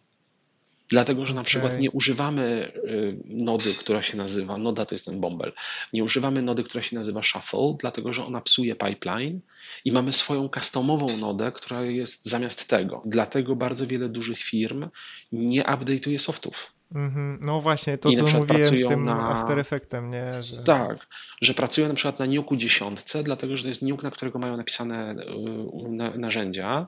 Nuke wersji bodajże 11 przeszedł na Pythona z wersji 2.7 na Pythona 3.0, tak, tak. co powoduje, że inaczej trzeba przepisać wszystkie skrypty. Duża firma, ta, która ma 300 stanowisk, to dla nich wymiana softu może być tak kosztowna, że to nie ma sensu. Tak, tak, Póki tak, działa, tak, tak, tak. to nie ruszamy. Odkładamy ten, tę wymianę w czasie tak długo, dopóki nie da się tego uniknąć, bo netto będzie to tańsze. Słuchaj, skoro jesteśmy przy, przy taki lekki off-top, e, pytanie o Blendera właśnie. Co sądzisz o Blenderze? Bo kiedyś ten program był tak z przymrużeniem oka traktowany jako e, e, raczej zabawka, a dzisiaj no już coraz częściej i coraz więcej ludzi się go uczy i na nim pracuje, no bo, no bo jest darmowy, a po drugie, no już nie jest tym samym programem co kiedyś, nie? Już potrafi nawiązać tą walkę z 3D z Maxem chociażby. To znaczy z Maxem to jest w stanie nawiązać w, y, walkę wszystko, bo Maxa już nikt nie używa. To jest martwy software w zasadzie. Pracujecie w Maxie, to polecam przesiadkę nawet na Blendera, bo łatwiej znajdziecie pracę. Większość studiów y, animacja jest robiona w Majce, świecenie i y, model i animacja to jest irigowanie, to jest Maja, świecenie to jest coraz częściej Houdini, grooming to jest coraz częściej Houdini, y, jeszcze jest trochę groomowania w Majce, ale naprawdę Houdini zaczyna przejmować grooming. Symulacje to jest wyłącznie Houdini i trochę nie ma za bardzo miejsca na Maxa, po prostu. Blender jest świetnym softem. I jest świetnym softem, który jest dodatkowo softem, który jest w tej chwili już na zasadzie jest softem produkcyjnym, czyli softem, którego można bezpośrednio, bezpiecznie używać w projekcie komercyjnym. Problem Blendera jest taki, że bardzo duża część blenderowców, ludzi, którzy są fanboyami Blendera, to są ludzie, którzy nie wypluwają specjalnie jakościowego kontentu. Bardzo jest mi przykro z tego powodu, ale bardzo wiele rzeczy, które widać w internecie, że o, zrobiłem coś w Blenderze, Blender jest najlepszy na świecie, to jest kasztan. To są po prostu strasznie brzydkie rzeczy, których się nie powinno wypuszczać do internetu yy, i na, powinny wisieć u mamy na lodówce po prostu. No niestety, taka jest prawda. Są fenomenalni blenderowcy. My używamy Blendera WPP jak najbardziej. Większość firm, które znam, używa Blendera. Większość matte painterów używa Blendera, bo Blender jest szybki, tak. tani, Mm. bo nie jest darmowy, wbrew pozorom. W sensie darmowy jest sam software, ale. Yy, Pluginy, które bardzo ci Bardzo wiele dobrych pluginów, mhm. tak. tak. Jest tak. płatnych. Bardzo wielu ludzi, którzy robią e, traki, wspierają się Blenderem nawet do robienia proofów. Blender jest fenomenalny, żeby się nauczyć podstaw 3D, e, jeżeli się robi kompo bo w Nuke'u brakuje dobrej przestrzeni 3D, brakuje prostego modelowania, e, prymitywy, czyli te podstawowe obiekty pod tytułem mm. klocek, mm -hmm. piłka, mm torus, mm -hmm. cylinder. W Nuke'u się nie nadają do niczego. Jedyne, co się nadaje w Nuke'u w 3D tak naprawdę to jest karta. I to jest jedyna rzecz, która się do czegoś dla nadaje. Pod, dla podlogi. Dokładnie, ale gorzej jak trzeba ją powyginać, dlatego że nie ma specjalnie no, okay. dobrych deformacji w Nuke'u, a w Blenderze po prostu można zrobić szybko i bezproblemowo. No, okay. Ja zawsze podaję przykład reklamy, gdzie musiałem zrobić, e, włożyć ludzi na stadionie. I w ten sposób, że na e, Action VFX kupiłem e, wiwatujących sport widzów, bo tam jest chyba po 25 dolarów za klip, czy tam 5 dolarów za klip, jakieś śmieszne pieniądze po prostu, więc kupiłem chyba ze 20 czy 30 osób wiwatujących na, z alfą i wrzuciłem to po prostu w Niuku i ponieważ byłem w Niuku, więc musiałem zrobić to partiklami, czyli e, włożyłem karty w miejsce, gdzie, jest, e, gdzie ci ludzie mają być i żeby z mhm. każdego mhm. face'a, e, czyli tam elementu tej karty wystawał jeden partikiel i nie umierał przez, nie leciał nigdzie wyżej, tylko żeby się tworzy, tworzył na karcie, żył przez całe trwanie ujęcia i to jest mój wiwatujący człowiek. No i ponieważ to są nuke'owe partikle, które są do niczego, e, Nuke powiedział, że wyrenderowanie bodajże 2,5 tysiąca partikli takich, to są ciężkie partikle, bo to są partikle z alfą, to są partikle, gdzie jest duży materiał źródłowy, żeby nie mhm. było, ale on potrzebuje 12 godzin na render. Więc stwierdziłem, że no tak dobrze to nie będzie. I w 45 minut, przy, pierwszy raz w życiu używając blendera, używając y, bardzo zmyślnego blenderowca, który wtedy ze mną pracował i tutorialu w internecie, przeszedłem od momentu y, otworzenia blendera do wypuszczenia renderu. Mhm. Y, do, w sensie nie do naciśnięcia render, tylko do dostania ujęć, no tak, do dostania, do, do dostania klatek, które sobie wrzuciłem do y, Niuka, który sobie w tym czasie szczęśliwie mielił i nawet dwie klatki wymielił. Y, skasowałem ten render i po prostu zrobiłem kompo i wypuściłem ujęcie tak? Czasem może się okazać tak, że taniej i szybciej będzie nauczyć się nowego softu, niż próbować coś rozwiązać w softie starym. Mm -hmm. Blender teraz też jest bardziej e, przystępny, dlatego że e, jest dużo łatwiejszy do integracji w pipeline, ma e, interfejs, który jest bardziej przyjazny użytkownikowi, shadery, czyli to, co odpowiada za informację o tym, co jest materiałem. To jest właśnie ten taki problem, że moja skóra na przykład to może być tekstura, bo mogę to sfotografować i zrobić, włożyć na model, ale mogę też stworzyć shader, który będzie odpowiadał za to, jak dokładnie będzie miał kolor, będzie miał Mate coś. Materiał, tak, mat materiał, tak, materiał może być shaderem, teksturą, ale to jest nazwa taka mhm, zbiorcza. Mm -hmm. Jak bardzo wiele rzeczy w filmie to jest po prostu wymyślamy nazwy w biegu e, i używamy tych samych nazw na pięć różnych rzeczy. Widerotoskopia. Tak. Przerobili kompletnie shadery, że są teraz zgodne z, z rendermanem pixarowskim. Dużo rzeczy poprzerabiali, też w wersji nowej zrobili nowy silnik do groomingu, który wygląda bardzo sexy. Nie wiem, czy ten grooming byłby taki, że byłby w stanie przeżyć realistycznie konflikt z na przykład z powstaniem planety Małp. Myślę, że tutaj jednak niestety Maja i Houdini nadal są lata świetlne przed tym, no tak. ale do pojęć, do zadań reklamowych, do kadru takiego, w jakim ja jestem i moje przerzedzone, mocno łysiejące włosy, yy, myślę, że bez problemu a Blender po prostu jest tani w integracji, jest tani w nauce, ma bardzo fajny silnik trakujący do zrobienia prostych object tracków. Naprawdę Blender jest genialny, a mamy go za darmo, tak? 3D Equalizer kosztuje chyba 4000 dolców za, nie 7000 dolarów za licencję. Wiadomo, że jest w stanie zrobić wszystko, ale może jeżeli muszę wytrakować y, telefon, y, wystarczy mhm. mi Blender. Tak, tak, tak, tak. No zresztą w sumie ostatnio to nawet After już, już tak powiedzmy w pewnym stopniu do jakiegoś tam momentu potrafię wytrakować niektóre, niektóre rzeczy, ale to tak na takim podstawowym... Znaczy, przyznam, że wolę Moka tak, akurat problemem... w Afterze niż trakować faktycznie tak, Afterem. to jest...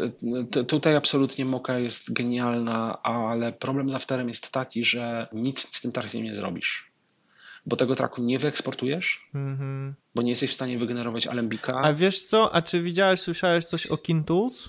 E, tak, tylko... I oni właśnie teraz wypuścili demo, demo geotrackera dla Aftera. Bo to jest geotracker, który jest dla Nuka. Oni po prostu tak, tak przerabiają tak, tak, ten. Tak, Face Builder i takie Tak, tak, tak. Tam. I to jest tracker bardzo fajny. On jest bardzo działający, jest naprawdę zarąbisty, który jest super. Tylko cały czas problem jest taki, że co z tego, że coś wytrakowałem w Afterze, jak muszę to przekazać z 3D na przykład. Mhm. Mhm, mhm. I to jest ten problem, że After, w ogóle wszystkie programy Adobe'ego, które są naprawdę fajne, tak? Photoshop jest standardem, mimo że jest przestarzały w bardzo wielu elementach i dużo lepszy jest na przykład Affinity Photo, ale przez to, że Photoshop jest standardem i Illustrator jest naprawdę zarąbisty, też ma irytujące elementy, ale Illustrator jest akurat dobrze zrobiony, y, to są systemy zamknięte. Adobe tak, bardzo tak, silnie tak. pracuje nad tym. Usunęli przecież z After Effectsa możliwość importu XML-a, żebyś musiał przejść przez premierę. Że musisz przejść przez premierę, dlatego że skoro już przechodzisz przez premierę, to może zmontujesz w premierze. Po co ci ten Avid tak, czy tak, Resolve? Tak, to, to, jest kwestia po prostu polityki firmy. Czyli ogólnie rzecz biorąc, Adobe jest dla solistów bardziej. Adobe jest niestety dla zaawansowanych amatorów, którzy rzeczywiście pracują we własnym zakresie, albo dla bardzo określonych zadań, e, nazwijmy to profesjonalnych. Tutaj jest ten problem jakby amator-profesjonalista, to jest jakby ten trochę trudne określenie. Ogólnie rzecz biorąc, zastosowania profesjonalne to są zastosowania wtedy, kiedy mamy wymianę danych pomiędzy artystami. I wtedy nagle się zaczynamy zastanawiać, że rzeczywiście After czy produkty Adobe'ego działają tylko wtedy, kiedy wszyscy pracują w produktach Adobe'ego. Ale w momencie, kiedy musimy wyjść na zewnątrz, nagle się zaczynają problemy. To jest nawet problem z Photoshopem, bo pamiętajcie, że w świecie Adobe'ego alfa i przeźroczystość to są dwie różne rzeczy. No tak. W Photoshopie możesz mieć obrazek, możesz mieć PSDK, który ma przeźroczystość, a nie ma kanału alfa. I potem to importujesz do jakiegoś innego softu i, i nagle są... się zaczyna problem. Znaczy to wystarczy wyimportować do Aftera już są problemy. Tak, to jest, to jest inna sprawa, tak? No bo są takie małe smaczki po prostu, że masz zostać w jednym softie. Mm. W jednej firmie. Próbował to zrobić e, Autodesk, ale im nie wyszło. Tylko też z drugiej strony Autodesk mm, wygrywamy trochę tym, jakby, że trochę przychodzimy pod radarem, bo jednak postprodukcja dla Autodesku to jest jakiś tam mały fragment tortu, bo oni jednak rządzą CAD-em. Mm, tak. Jakby trzeba pamiętać, że dla Autodesku najważniejsze są programy kadowskie i pogadajcie z ludźmi, którzy siedzą w architekturze albo w projektowaniu właśnie w, projektowaniu obiektowym, że nienawidzą CADa. I oni naprawdę nienawidzą Autodesku. To, co my czujemy dla Autodesku, to jest delikatne zwątpienie na granicy sympatii, ale architekci nienawidzą Autodeska.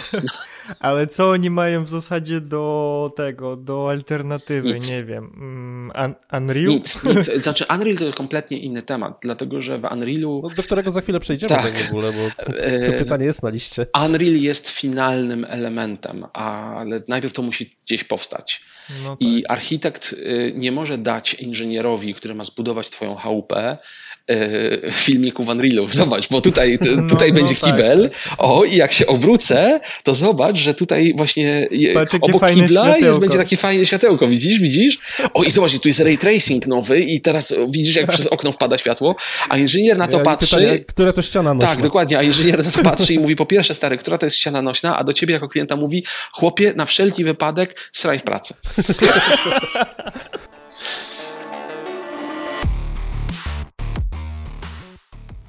mówiliśmy o tych programach, powiedzieliśmy o Blenderze, ale też wspomnieliśmy przez chwilę o Unreal Engine i właśnie tutaj chciałem tak e, dojść do pytania zazębiania się dwóch branży, czyli branży mhm. gamingowej, a branży VFX-owej czy też filmowej, no bo e, kiedyś to zazębianie wyglądało w ten sposób, że powiedzmy, no był taki Blizzard, który stworzył sobie studio animacyjne i robił swoje e, cinematiki, było Visual Embassy, jeśli dobrze pamiętam, teraz to jest chyba Embassy, które też się zajmowało cinematikami, tam kilka nagród nawet zgarnęli, ale to była tego typu praca. Natomiast teraz mamy od kilku ostatnich lat, no chociażby tego właśnie Unreal Engine'a, który zmienił troszeczkę, e, już nie jest tylko silnikiem gamingowym, ale również stał się programem do E, no właśnie do czego, kurczę, bo e, widziałem, że powstają na nim live broadcasty, gdzieś tam jest używany w filmie, czy, czy, faktycznie, czy faktycznie ta branża z tym Unreal Engine'em czy z Unity zaczyna wchodzić do postprodukcji, czy to raczej jest takie curiosity na peryferiach? Jak najbardziej. Jak najbardziej wchodzi, tylko e, nie ma czegoś takiego jak real time, tego trzeba zacząć. Mm. Jak zaczynałem lat temu milion, to zawsze był argument, dlaczego Flame kosztuje 2,5 tysiąca złotych za godzinę, bo jest w real time wszystko.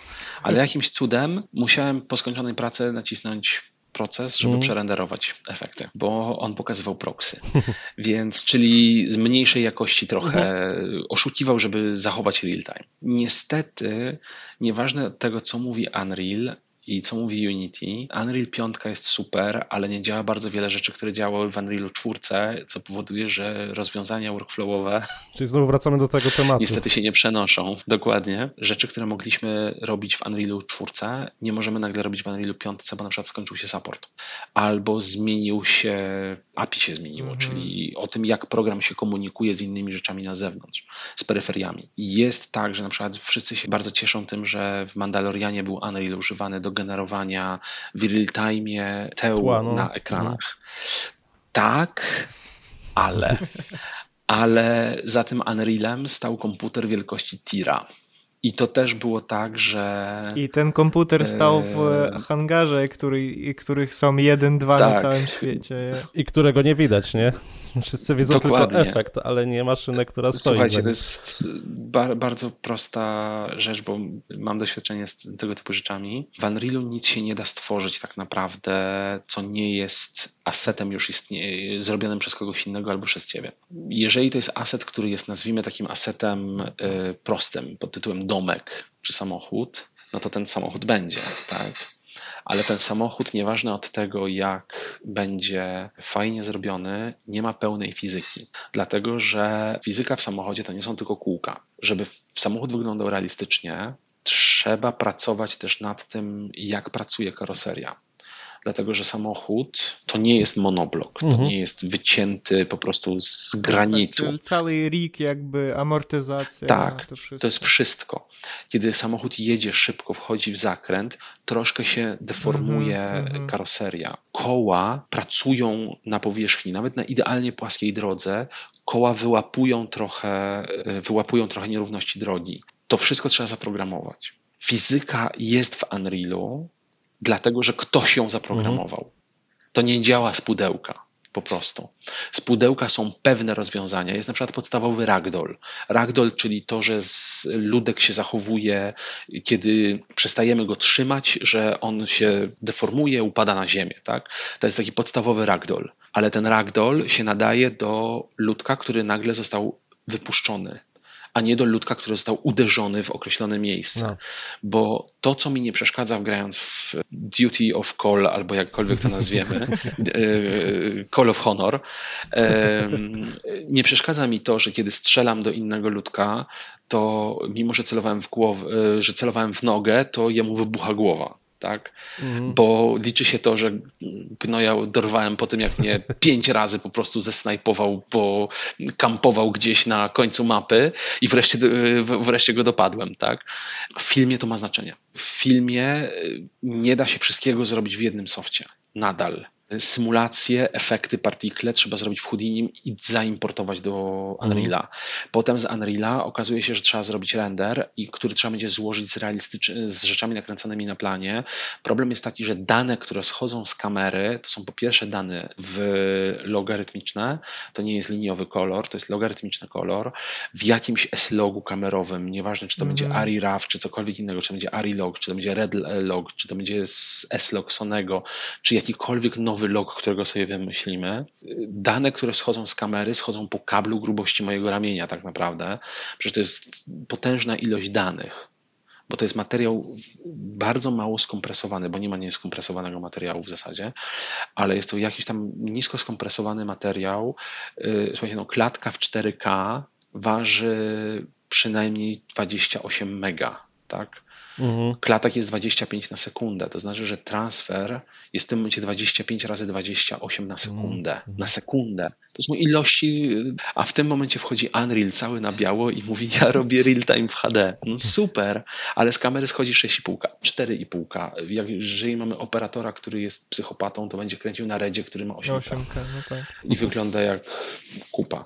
Ale trzeba to będzie jakoś wydostać z tego Unreala i posprodukować dalej. Trzeba to będzie wypuścić na kompo, złożyć wszystko do kupy, włożyć aktora, bo trzeba wszystko wy, trzeba wytrakować na przykład ludka, którego aktor trzyma na ręku, tak, cokolwiek. Trzeba to wszystko złożyć do kupy. Cienie, jeżeli chcemy, żeby cienie na ręku były dokładnie takie jak na planie, to znaczy, że ja muszę odwzorować tę rękę. Ja muszę ją odwzorować prawie jeden do jednego. Nie wystarczy włożyć plane'a, rzucić takiego po prostu z defaultu, y, z podstawowego jakiegoś tam wzorca cienia i będzie dobrze, bo w grze to przechodzi, ale w filmie już nie przechodzi, bo inaczej odbieramy film, inaczej odbieramy grę. To też jakby kwestia formatu, czy film oglądamy w ogromnej y, sali, gdzie Dokładnie widzimy tak. wszystko, czy gramy jakby na monitorku. To jest też różnica pomiędzy fabułą a reklamą. Tak, Tak, fabułę tak, przeglądamy tak, na tak. prześcieradle 2 na 3 metry przynajmniej, a reklamę oglądamy na telefonie. To też bardzo mocno wpływa na odbiór i na to, jak bardzo trzeba pilnować się z jakością pracy wykonywanej. Znaczy, wiesz co, ja tutaj tak tylko e, dodam, bo e, zgodzę się z tobą do pewnego stopnia, bo faktycznie gry ostatnimi czasy stają się coraz bardziej, nazwijmy to fotorealistyczne, ale to bardziej chodzi Mhm. o to, że faktycznie ta dbałość o detal jednak również staje się podobnie jak w filmie, no w filmie animowanym, nie w filmie normalnym, no bo Tak, staje się właśnie, ważna, nie? Więc też i też wpływa na odbiór, więc, więc jednak tylko zobacz jedną rzecz. Nie wiem, czy pamiętasz, była taka gra zrobiona przez Rockstara, gdzie było się policjantem, a nie mordowało się wszystkich naokoło. Max Payne chyba, było- tak? Nie, nie, nie. Odwrotno, odwrotność GTA, bo w GTA wszystkich próbujesz ubić, a tutaj byłeś detektywem w latach 40. A, L.A. I- Noir. Noir, tak. LA tak, Noir, tak. właśnie. Kiedy to wyszło, wszyscy byli zachwyceni, że to jest hiper fotorealistyczne, są, że wszyscy, wszystkie postaci Mm, mają mimikę, mimikę tak. twarzy i to wszystko jest w ogóle hiperrealistyczne, ponieważ ja nie mam czasu na gry, kiedy wychodzą, y, więc gram w nie dużo później. Ja to odpaliłem po paru latach, po, przesadzam, po dwóch latach I rzeczywiście było nieźle, ale do hiperrealizmu było bardzo daleko. I mimika twarzy polegała na tym, że tak, nie, wi tak. nie, widać tego teraz e, na nagraniu pewnie. Tak, ale... Dokładnie, ale właśnie, że postać czeka z neutralnym wyrazem twarzy, tak. robi minę i wraca do neutralnego wyrazu twarzy. To nie jest zachowanie realistyczne, tak? Ja pamiętam, jak byłem dzieciakiem, była seria gier, która się nazywa Fantasmagoria, które były po prostu filmowane. Tak. To były filmy, gdzie miało się możliwość interakcji z e, otoczeniem, tak? Potem wyszedł Myst i wszyscy byli zachwyceni, że to jest hiperfotorealistyczne. Jakby teraz odpalić Mista, to nagle się okaże, że na telefonie można zrobić lepszy render. Tak. Mm, problem z grafiką 3D zawsze będzie taki, że grafika 3D się strasznie starzeje. Mhm. Jest powód, dla którego Władca Pierścieni, który był robiony w zasadzie głównie praktykalem, się nie zestarzał, a Hobbit jest nie do oglądania w tej chwili. Dlatego, że już lepiej się animuje w reklamie nawet, niż animowana była postać Bolga czy tego białego orka. Smaug jest nadal super, ale Smaug ma przewagę tego, że jest zawsze w ciemnościach. Mhm. Więc kryjemy to y, postprodukcyjnie i 3D się po prostu strasznie starzeje. Więc dopóki nie będzie czegoś takiego, że możemy uznać, że projekt sprzed pięciu lat nadal jest fotorealistyczny, to ja jestem bardzo sceptyczny, jeżeli chodzi o hasła pod tytułem fotorealizm w grach bądź w filmie. Znaczy wiesz co, y, y, fotorealizm fotorealizmem, mi też chodziło troszeczkę o coś innego, o to, że ta ilość detali, która się pojawia, to znaczy, bo wiesz, gra nie musi być fotorealistyczna, tak. żeby y, naprawdę się, ta, ta, imersja w niej była, która by tak, cię wciągała. masz absolutną rację. Tylko przez to, że te detale, jest tyle tych detali, tam wszystko się rusza, tak. nie? Tylko to musi zostać wyreżyserowane no, w tym momencie. Dokładnie i to też wszystko jest tak naprawdę, to jest, słuchajcie, no to jest tak jak z, z łabędziem, tak, który jest piękny i z gracją na zewnątrz, ale bardzo szybko zasuwa łapkami pod, pod spodem i jakby gdzieś musi być ten skrót na razie, bo hmm. dopóki nie mamy komputerów kwantowych, które są w stanie tworzyć rzeczywistość, hmm. to zawsze gdzieś będzie trzeba pójść na skróty. Zgadzam się, że gry są teraz zupełnie inny poziom imersji gwarantują niż lat temu 30, ale zapewniam cię, że lat temu 30, kiedy grałem w Wizardry na y, komputerze 086, który był po prostu cztery okienka z kreskami i tekstem, co mhm. robisz, byłem równie z wypiekami na twarzy, jak teraz dzieciaki grające we współczesne gry. Więc to jest. To, to prawda. No. Gra jest czymś innym. Po prostu gra też wpływa na. jest imersyjna z założenia, że wchodzisz też w nią jako imersyjny projekt. Film oglądasz. Film jest zjawiskiem pasywnym, nie bierzesz w nim udziału. Więc to też mi się wydaje, że tutaj, no to jest taki dość filozoficzny problem, ale myślę, że tak podsumowując, Unreal jak najbardziej jest używany. Bardzo potrzebni są Unrealowcy w filmie, ale Unreal to jest kolejne narzędzie. To nie jest narzędzie, które zastąpiło cokolwiek. To nie jest coś, co nagle zastąpi. Tak, i... to jest kolejne narzędzie w arsenale. Słuchajcie, jedyne narzędzie, które zniknęło, to jest soft, który jest przestarzały, ale nie zniknęły rozwiązania. Nie zniknęły mi miniatury, nie zniknęły tylne projekcje, nie zniknęła rotoskopia, nie zniknął motion capture, nie, zniknę, nie zniknęła korekcja barwna, mimo że mamy kolejne, coraz lepsze luty, tego typu rzeczy. No, mhm. tak. Nie wystarczy zapiąć luta i być szczęśliwym, tak? Nadal potrzebny jest kolorysta, który usiądzie i zrobi z tego, wypoleruje trochę tego klocka, żeby jednak był ładny. Do mnie co Więc... chwilę ktoś dzwoni z pytaniem, czy znam dobrego kolorystę. Dokładnie. Więc to jest właśnie ten problem, Bo że... lód też nie rozwiąże tego, tej zachcianki ścianki jakby klienta, żeby zrobić tam Dokładnie. troszeczkę bardziej zielone, a tam czy trochę... Dokładnie tak, no to jest właśnie ten uniwersalny problem. Po prostu zawsze jest potrzebny człowiek, który będzie interpretował.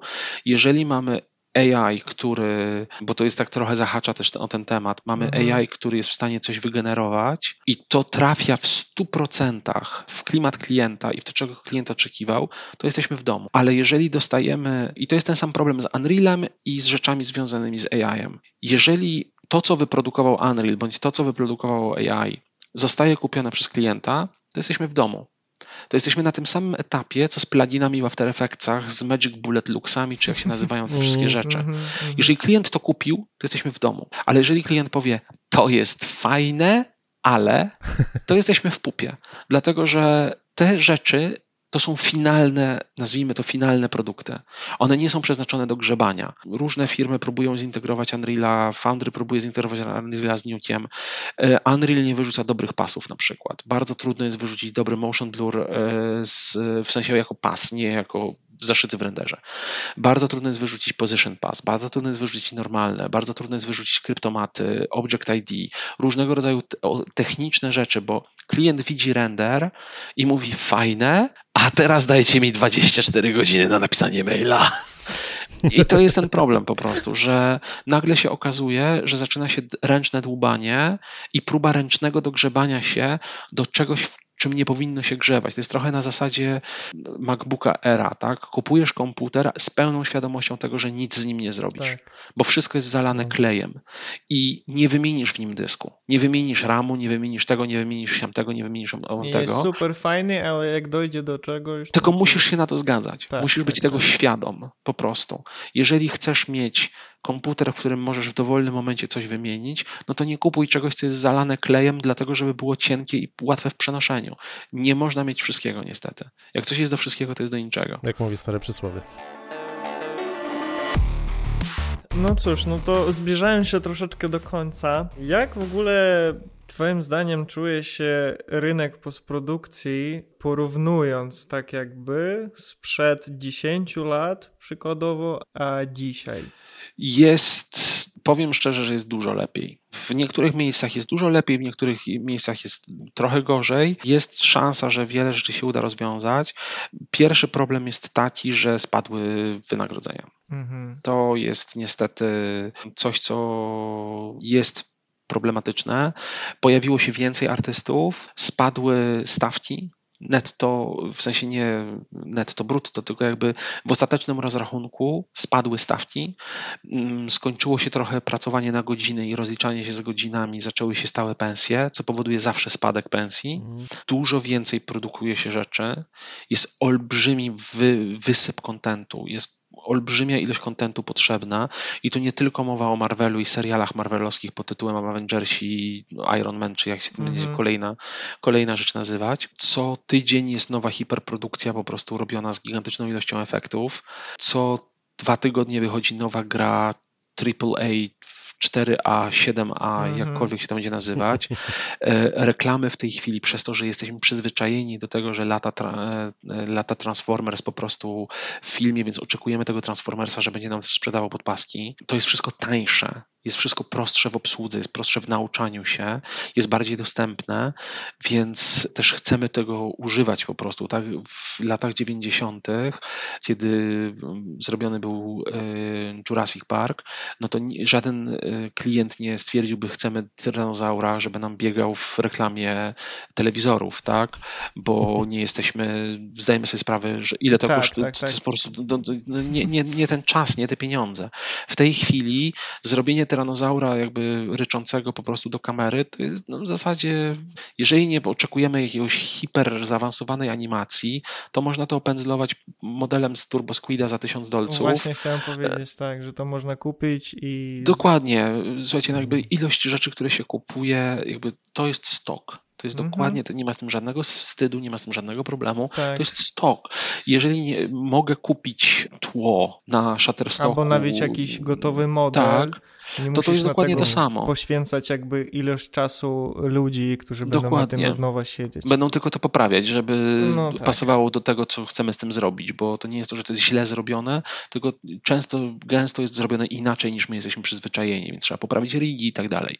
E, tekstury na przykład są za słabej jakości, żeby nie, nie wytrzymają zbliżenia, jakieś tego typu tematy. No, czyli tak ogólnie określają, że jest lepiej, ale tak? Ale potrzebujemy związków zawodowych. Do tego się to tak naprawdę sprowadza. Potrzebujemy się trochę zjednoczyć jako wszyscy ludzie w postprodukcji i trochę nawzajem zacząć się bardziej szanować, dlatego że największy chyba kłopot, który jest w tej chwili, to jest to, że cały czas żyjemy w takim przekonaniu, że moim wrogiem jest mój pracodawca, a mój pracodawca jest dokładnie w tym samym, na tym samym wózku co ja i powinna zniknąć ta mentalność pod tytułem ja ci to zrobię taniej, mhm. rozmowy z klientem, że on chce za to 200 zeta, ja to zrobię za 50, bo nie pomagasz nikomu. Mhm. Po pierwsze robisz poniżej swojej stawki i y, obniżasz swoje zarobki, po drugie psujesz rynek i powinniśmy jako artyści zacząć szanować też swój czas, bo jest to branża, która została stworzona przez ludzi, którzy są pasjonatami i bardzo trudno jest nam wyjść z pracy. Jakby mam znajomych, którzy pracują w korporacjach, nazwijmy to na stanowisku kopiowanie danych z Corela do Worda, ale oni mogą wyjść z pracy, tak? Ja wychodzę z pracy i myślę o pracy cały czas, bo to jest praca problemowa, tak? Ja mam task do wykonania, ja się zastanawiam, jak to zrobić.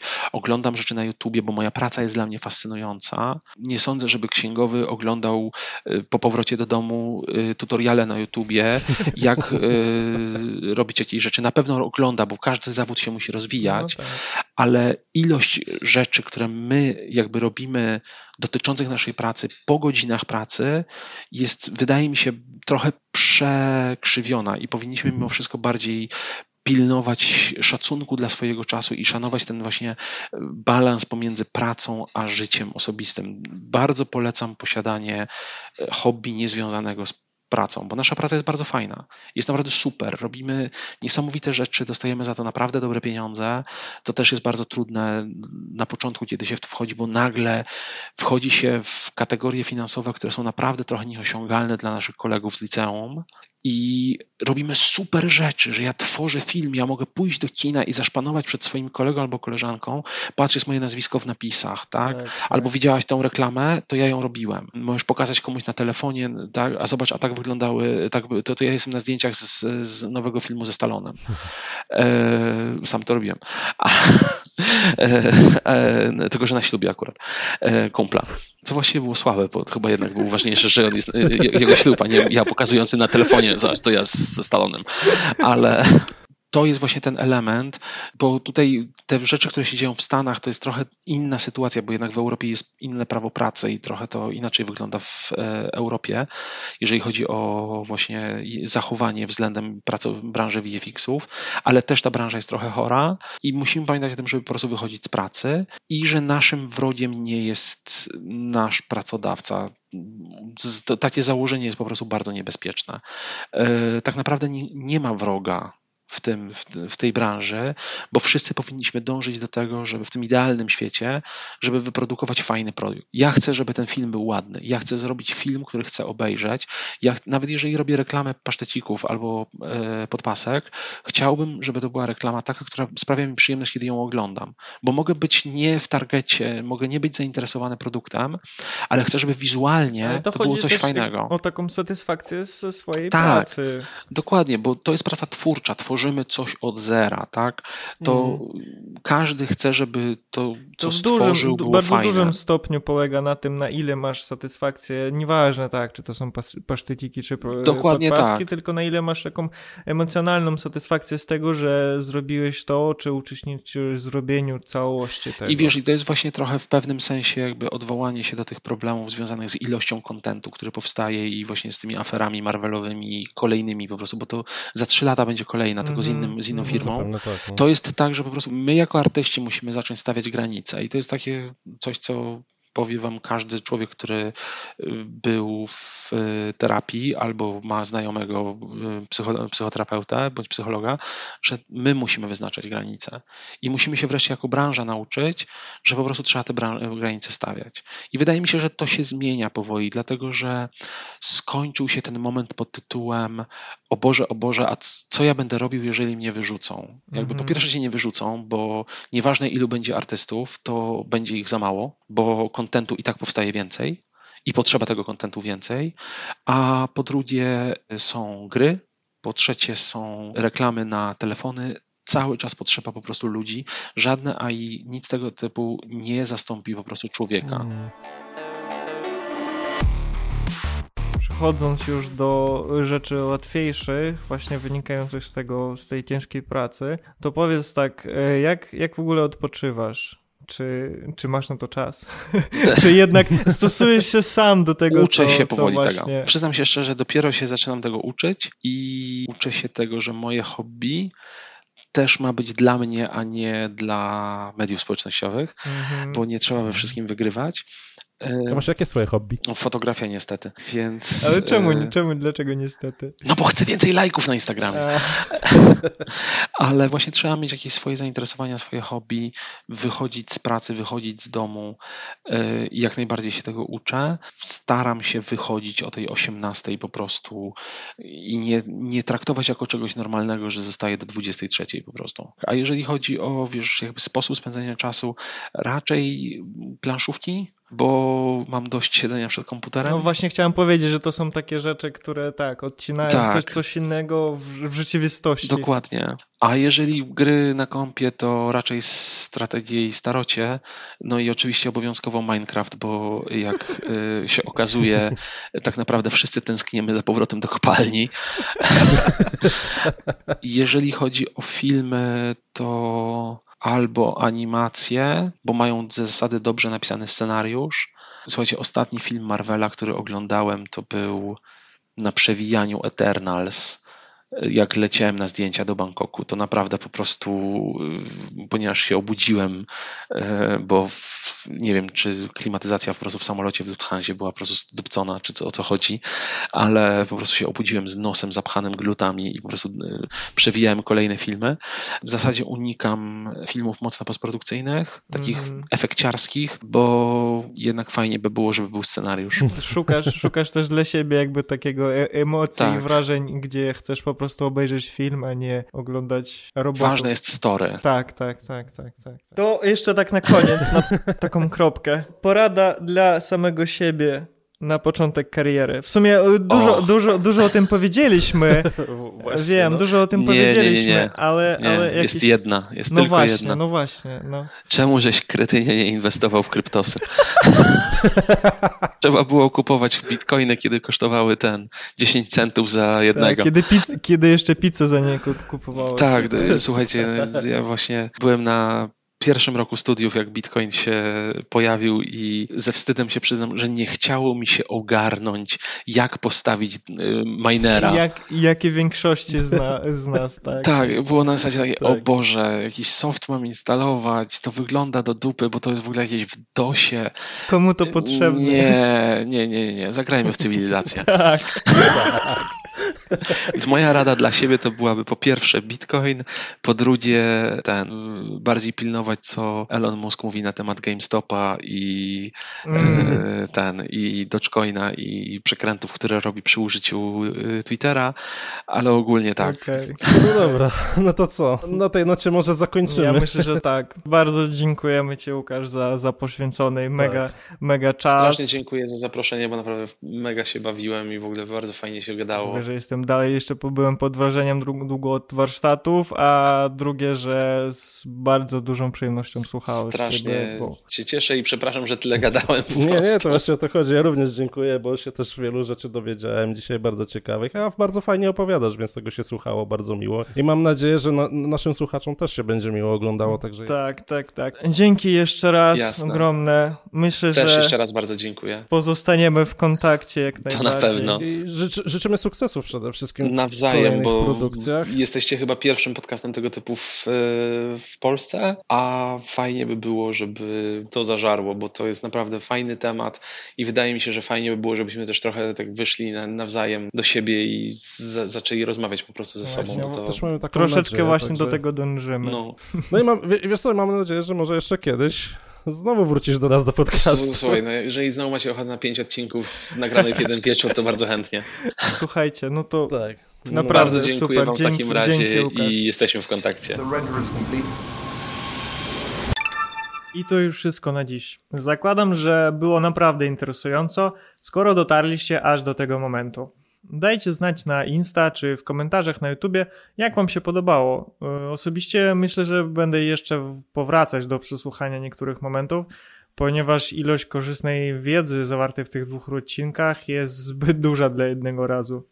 Także dzięki, że nas słuchacie i na dodatek małe ogłoszenia. Jeżeli jesteś twórcą, twórczynią z branży postprodukcyjnej, producentem, reżyserem, kolorystą, operatorem, operatorką, masz doświadczenie, lata praktyki, kilka inspirujących historii i chcesz podzielić się nimi w naszym podcaście, napisz do nas na Instagramie albo na maila lifeafterrender.gmail.com Nie mamy deadline'ów, NDA czy owocowych czwartków, ale zawsze chętnie porozmawiamy i dowiemy się o szczegółach Twojej pracy.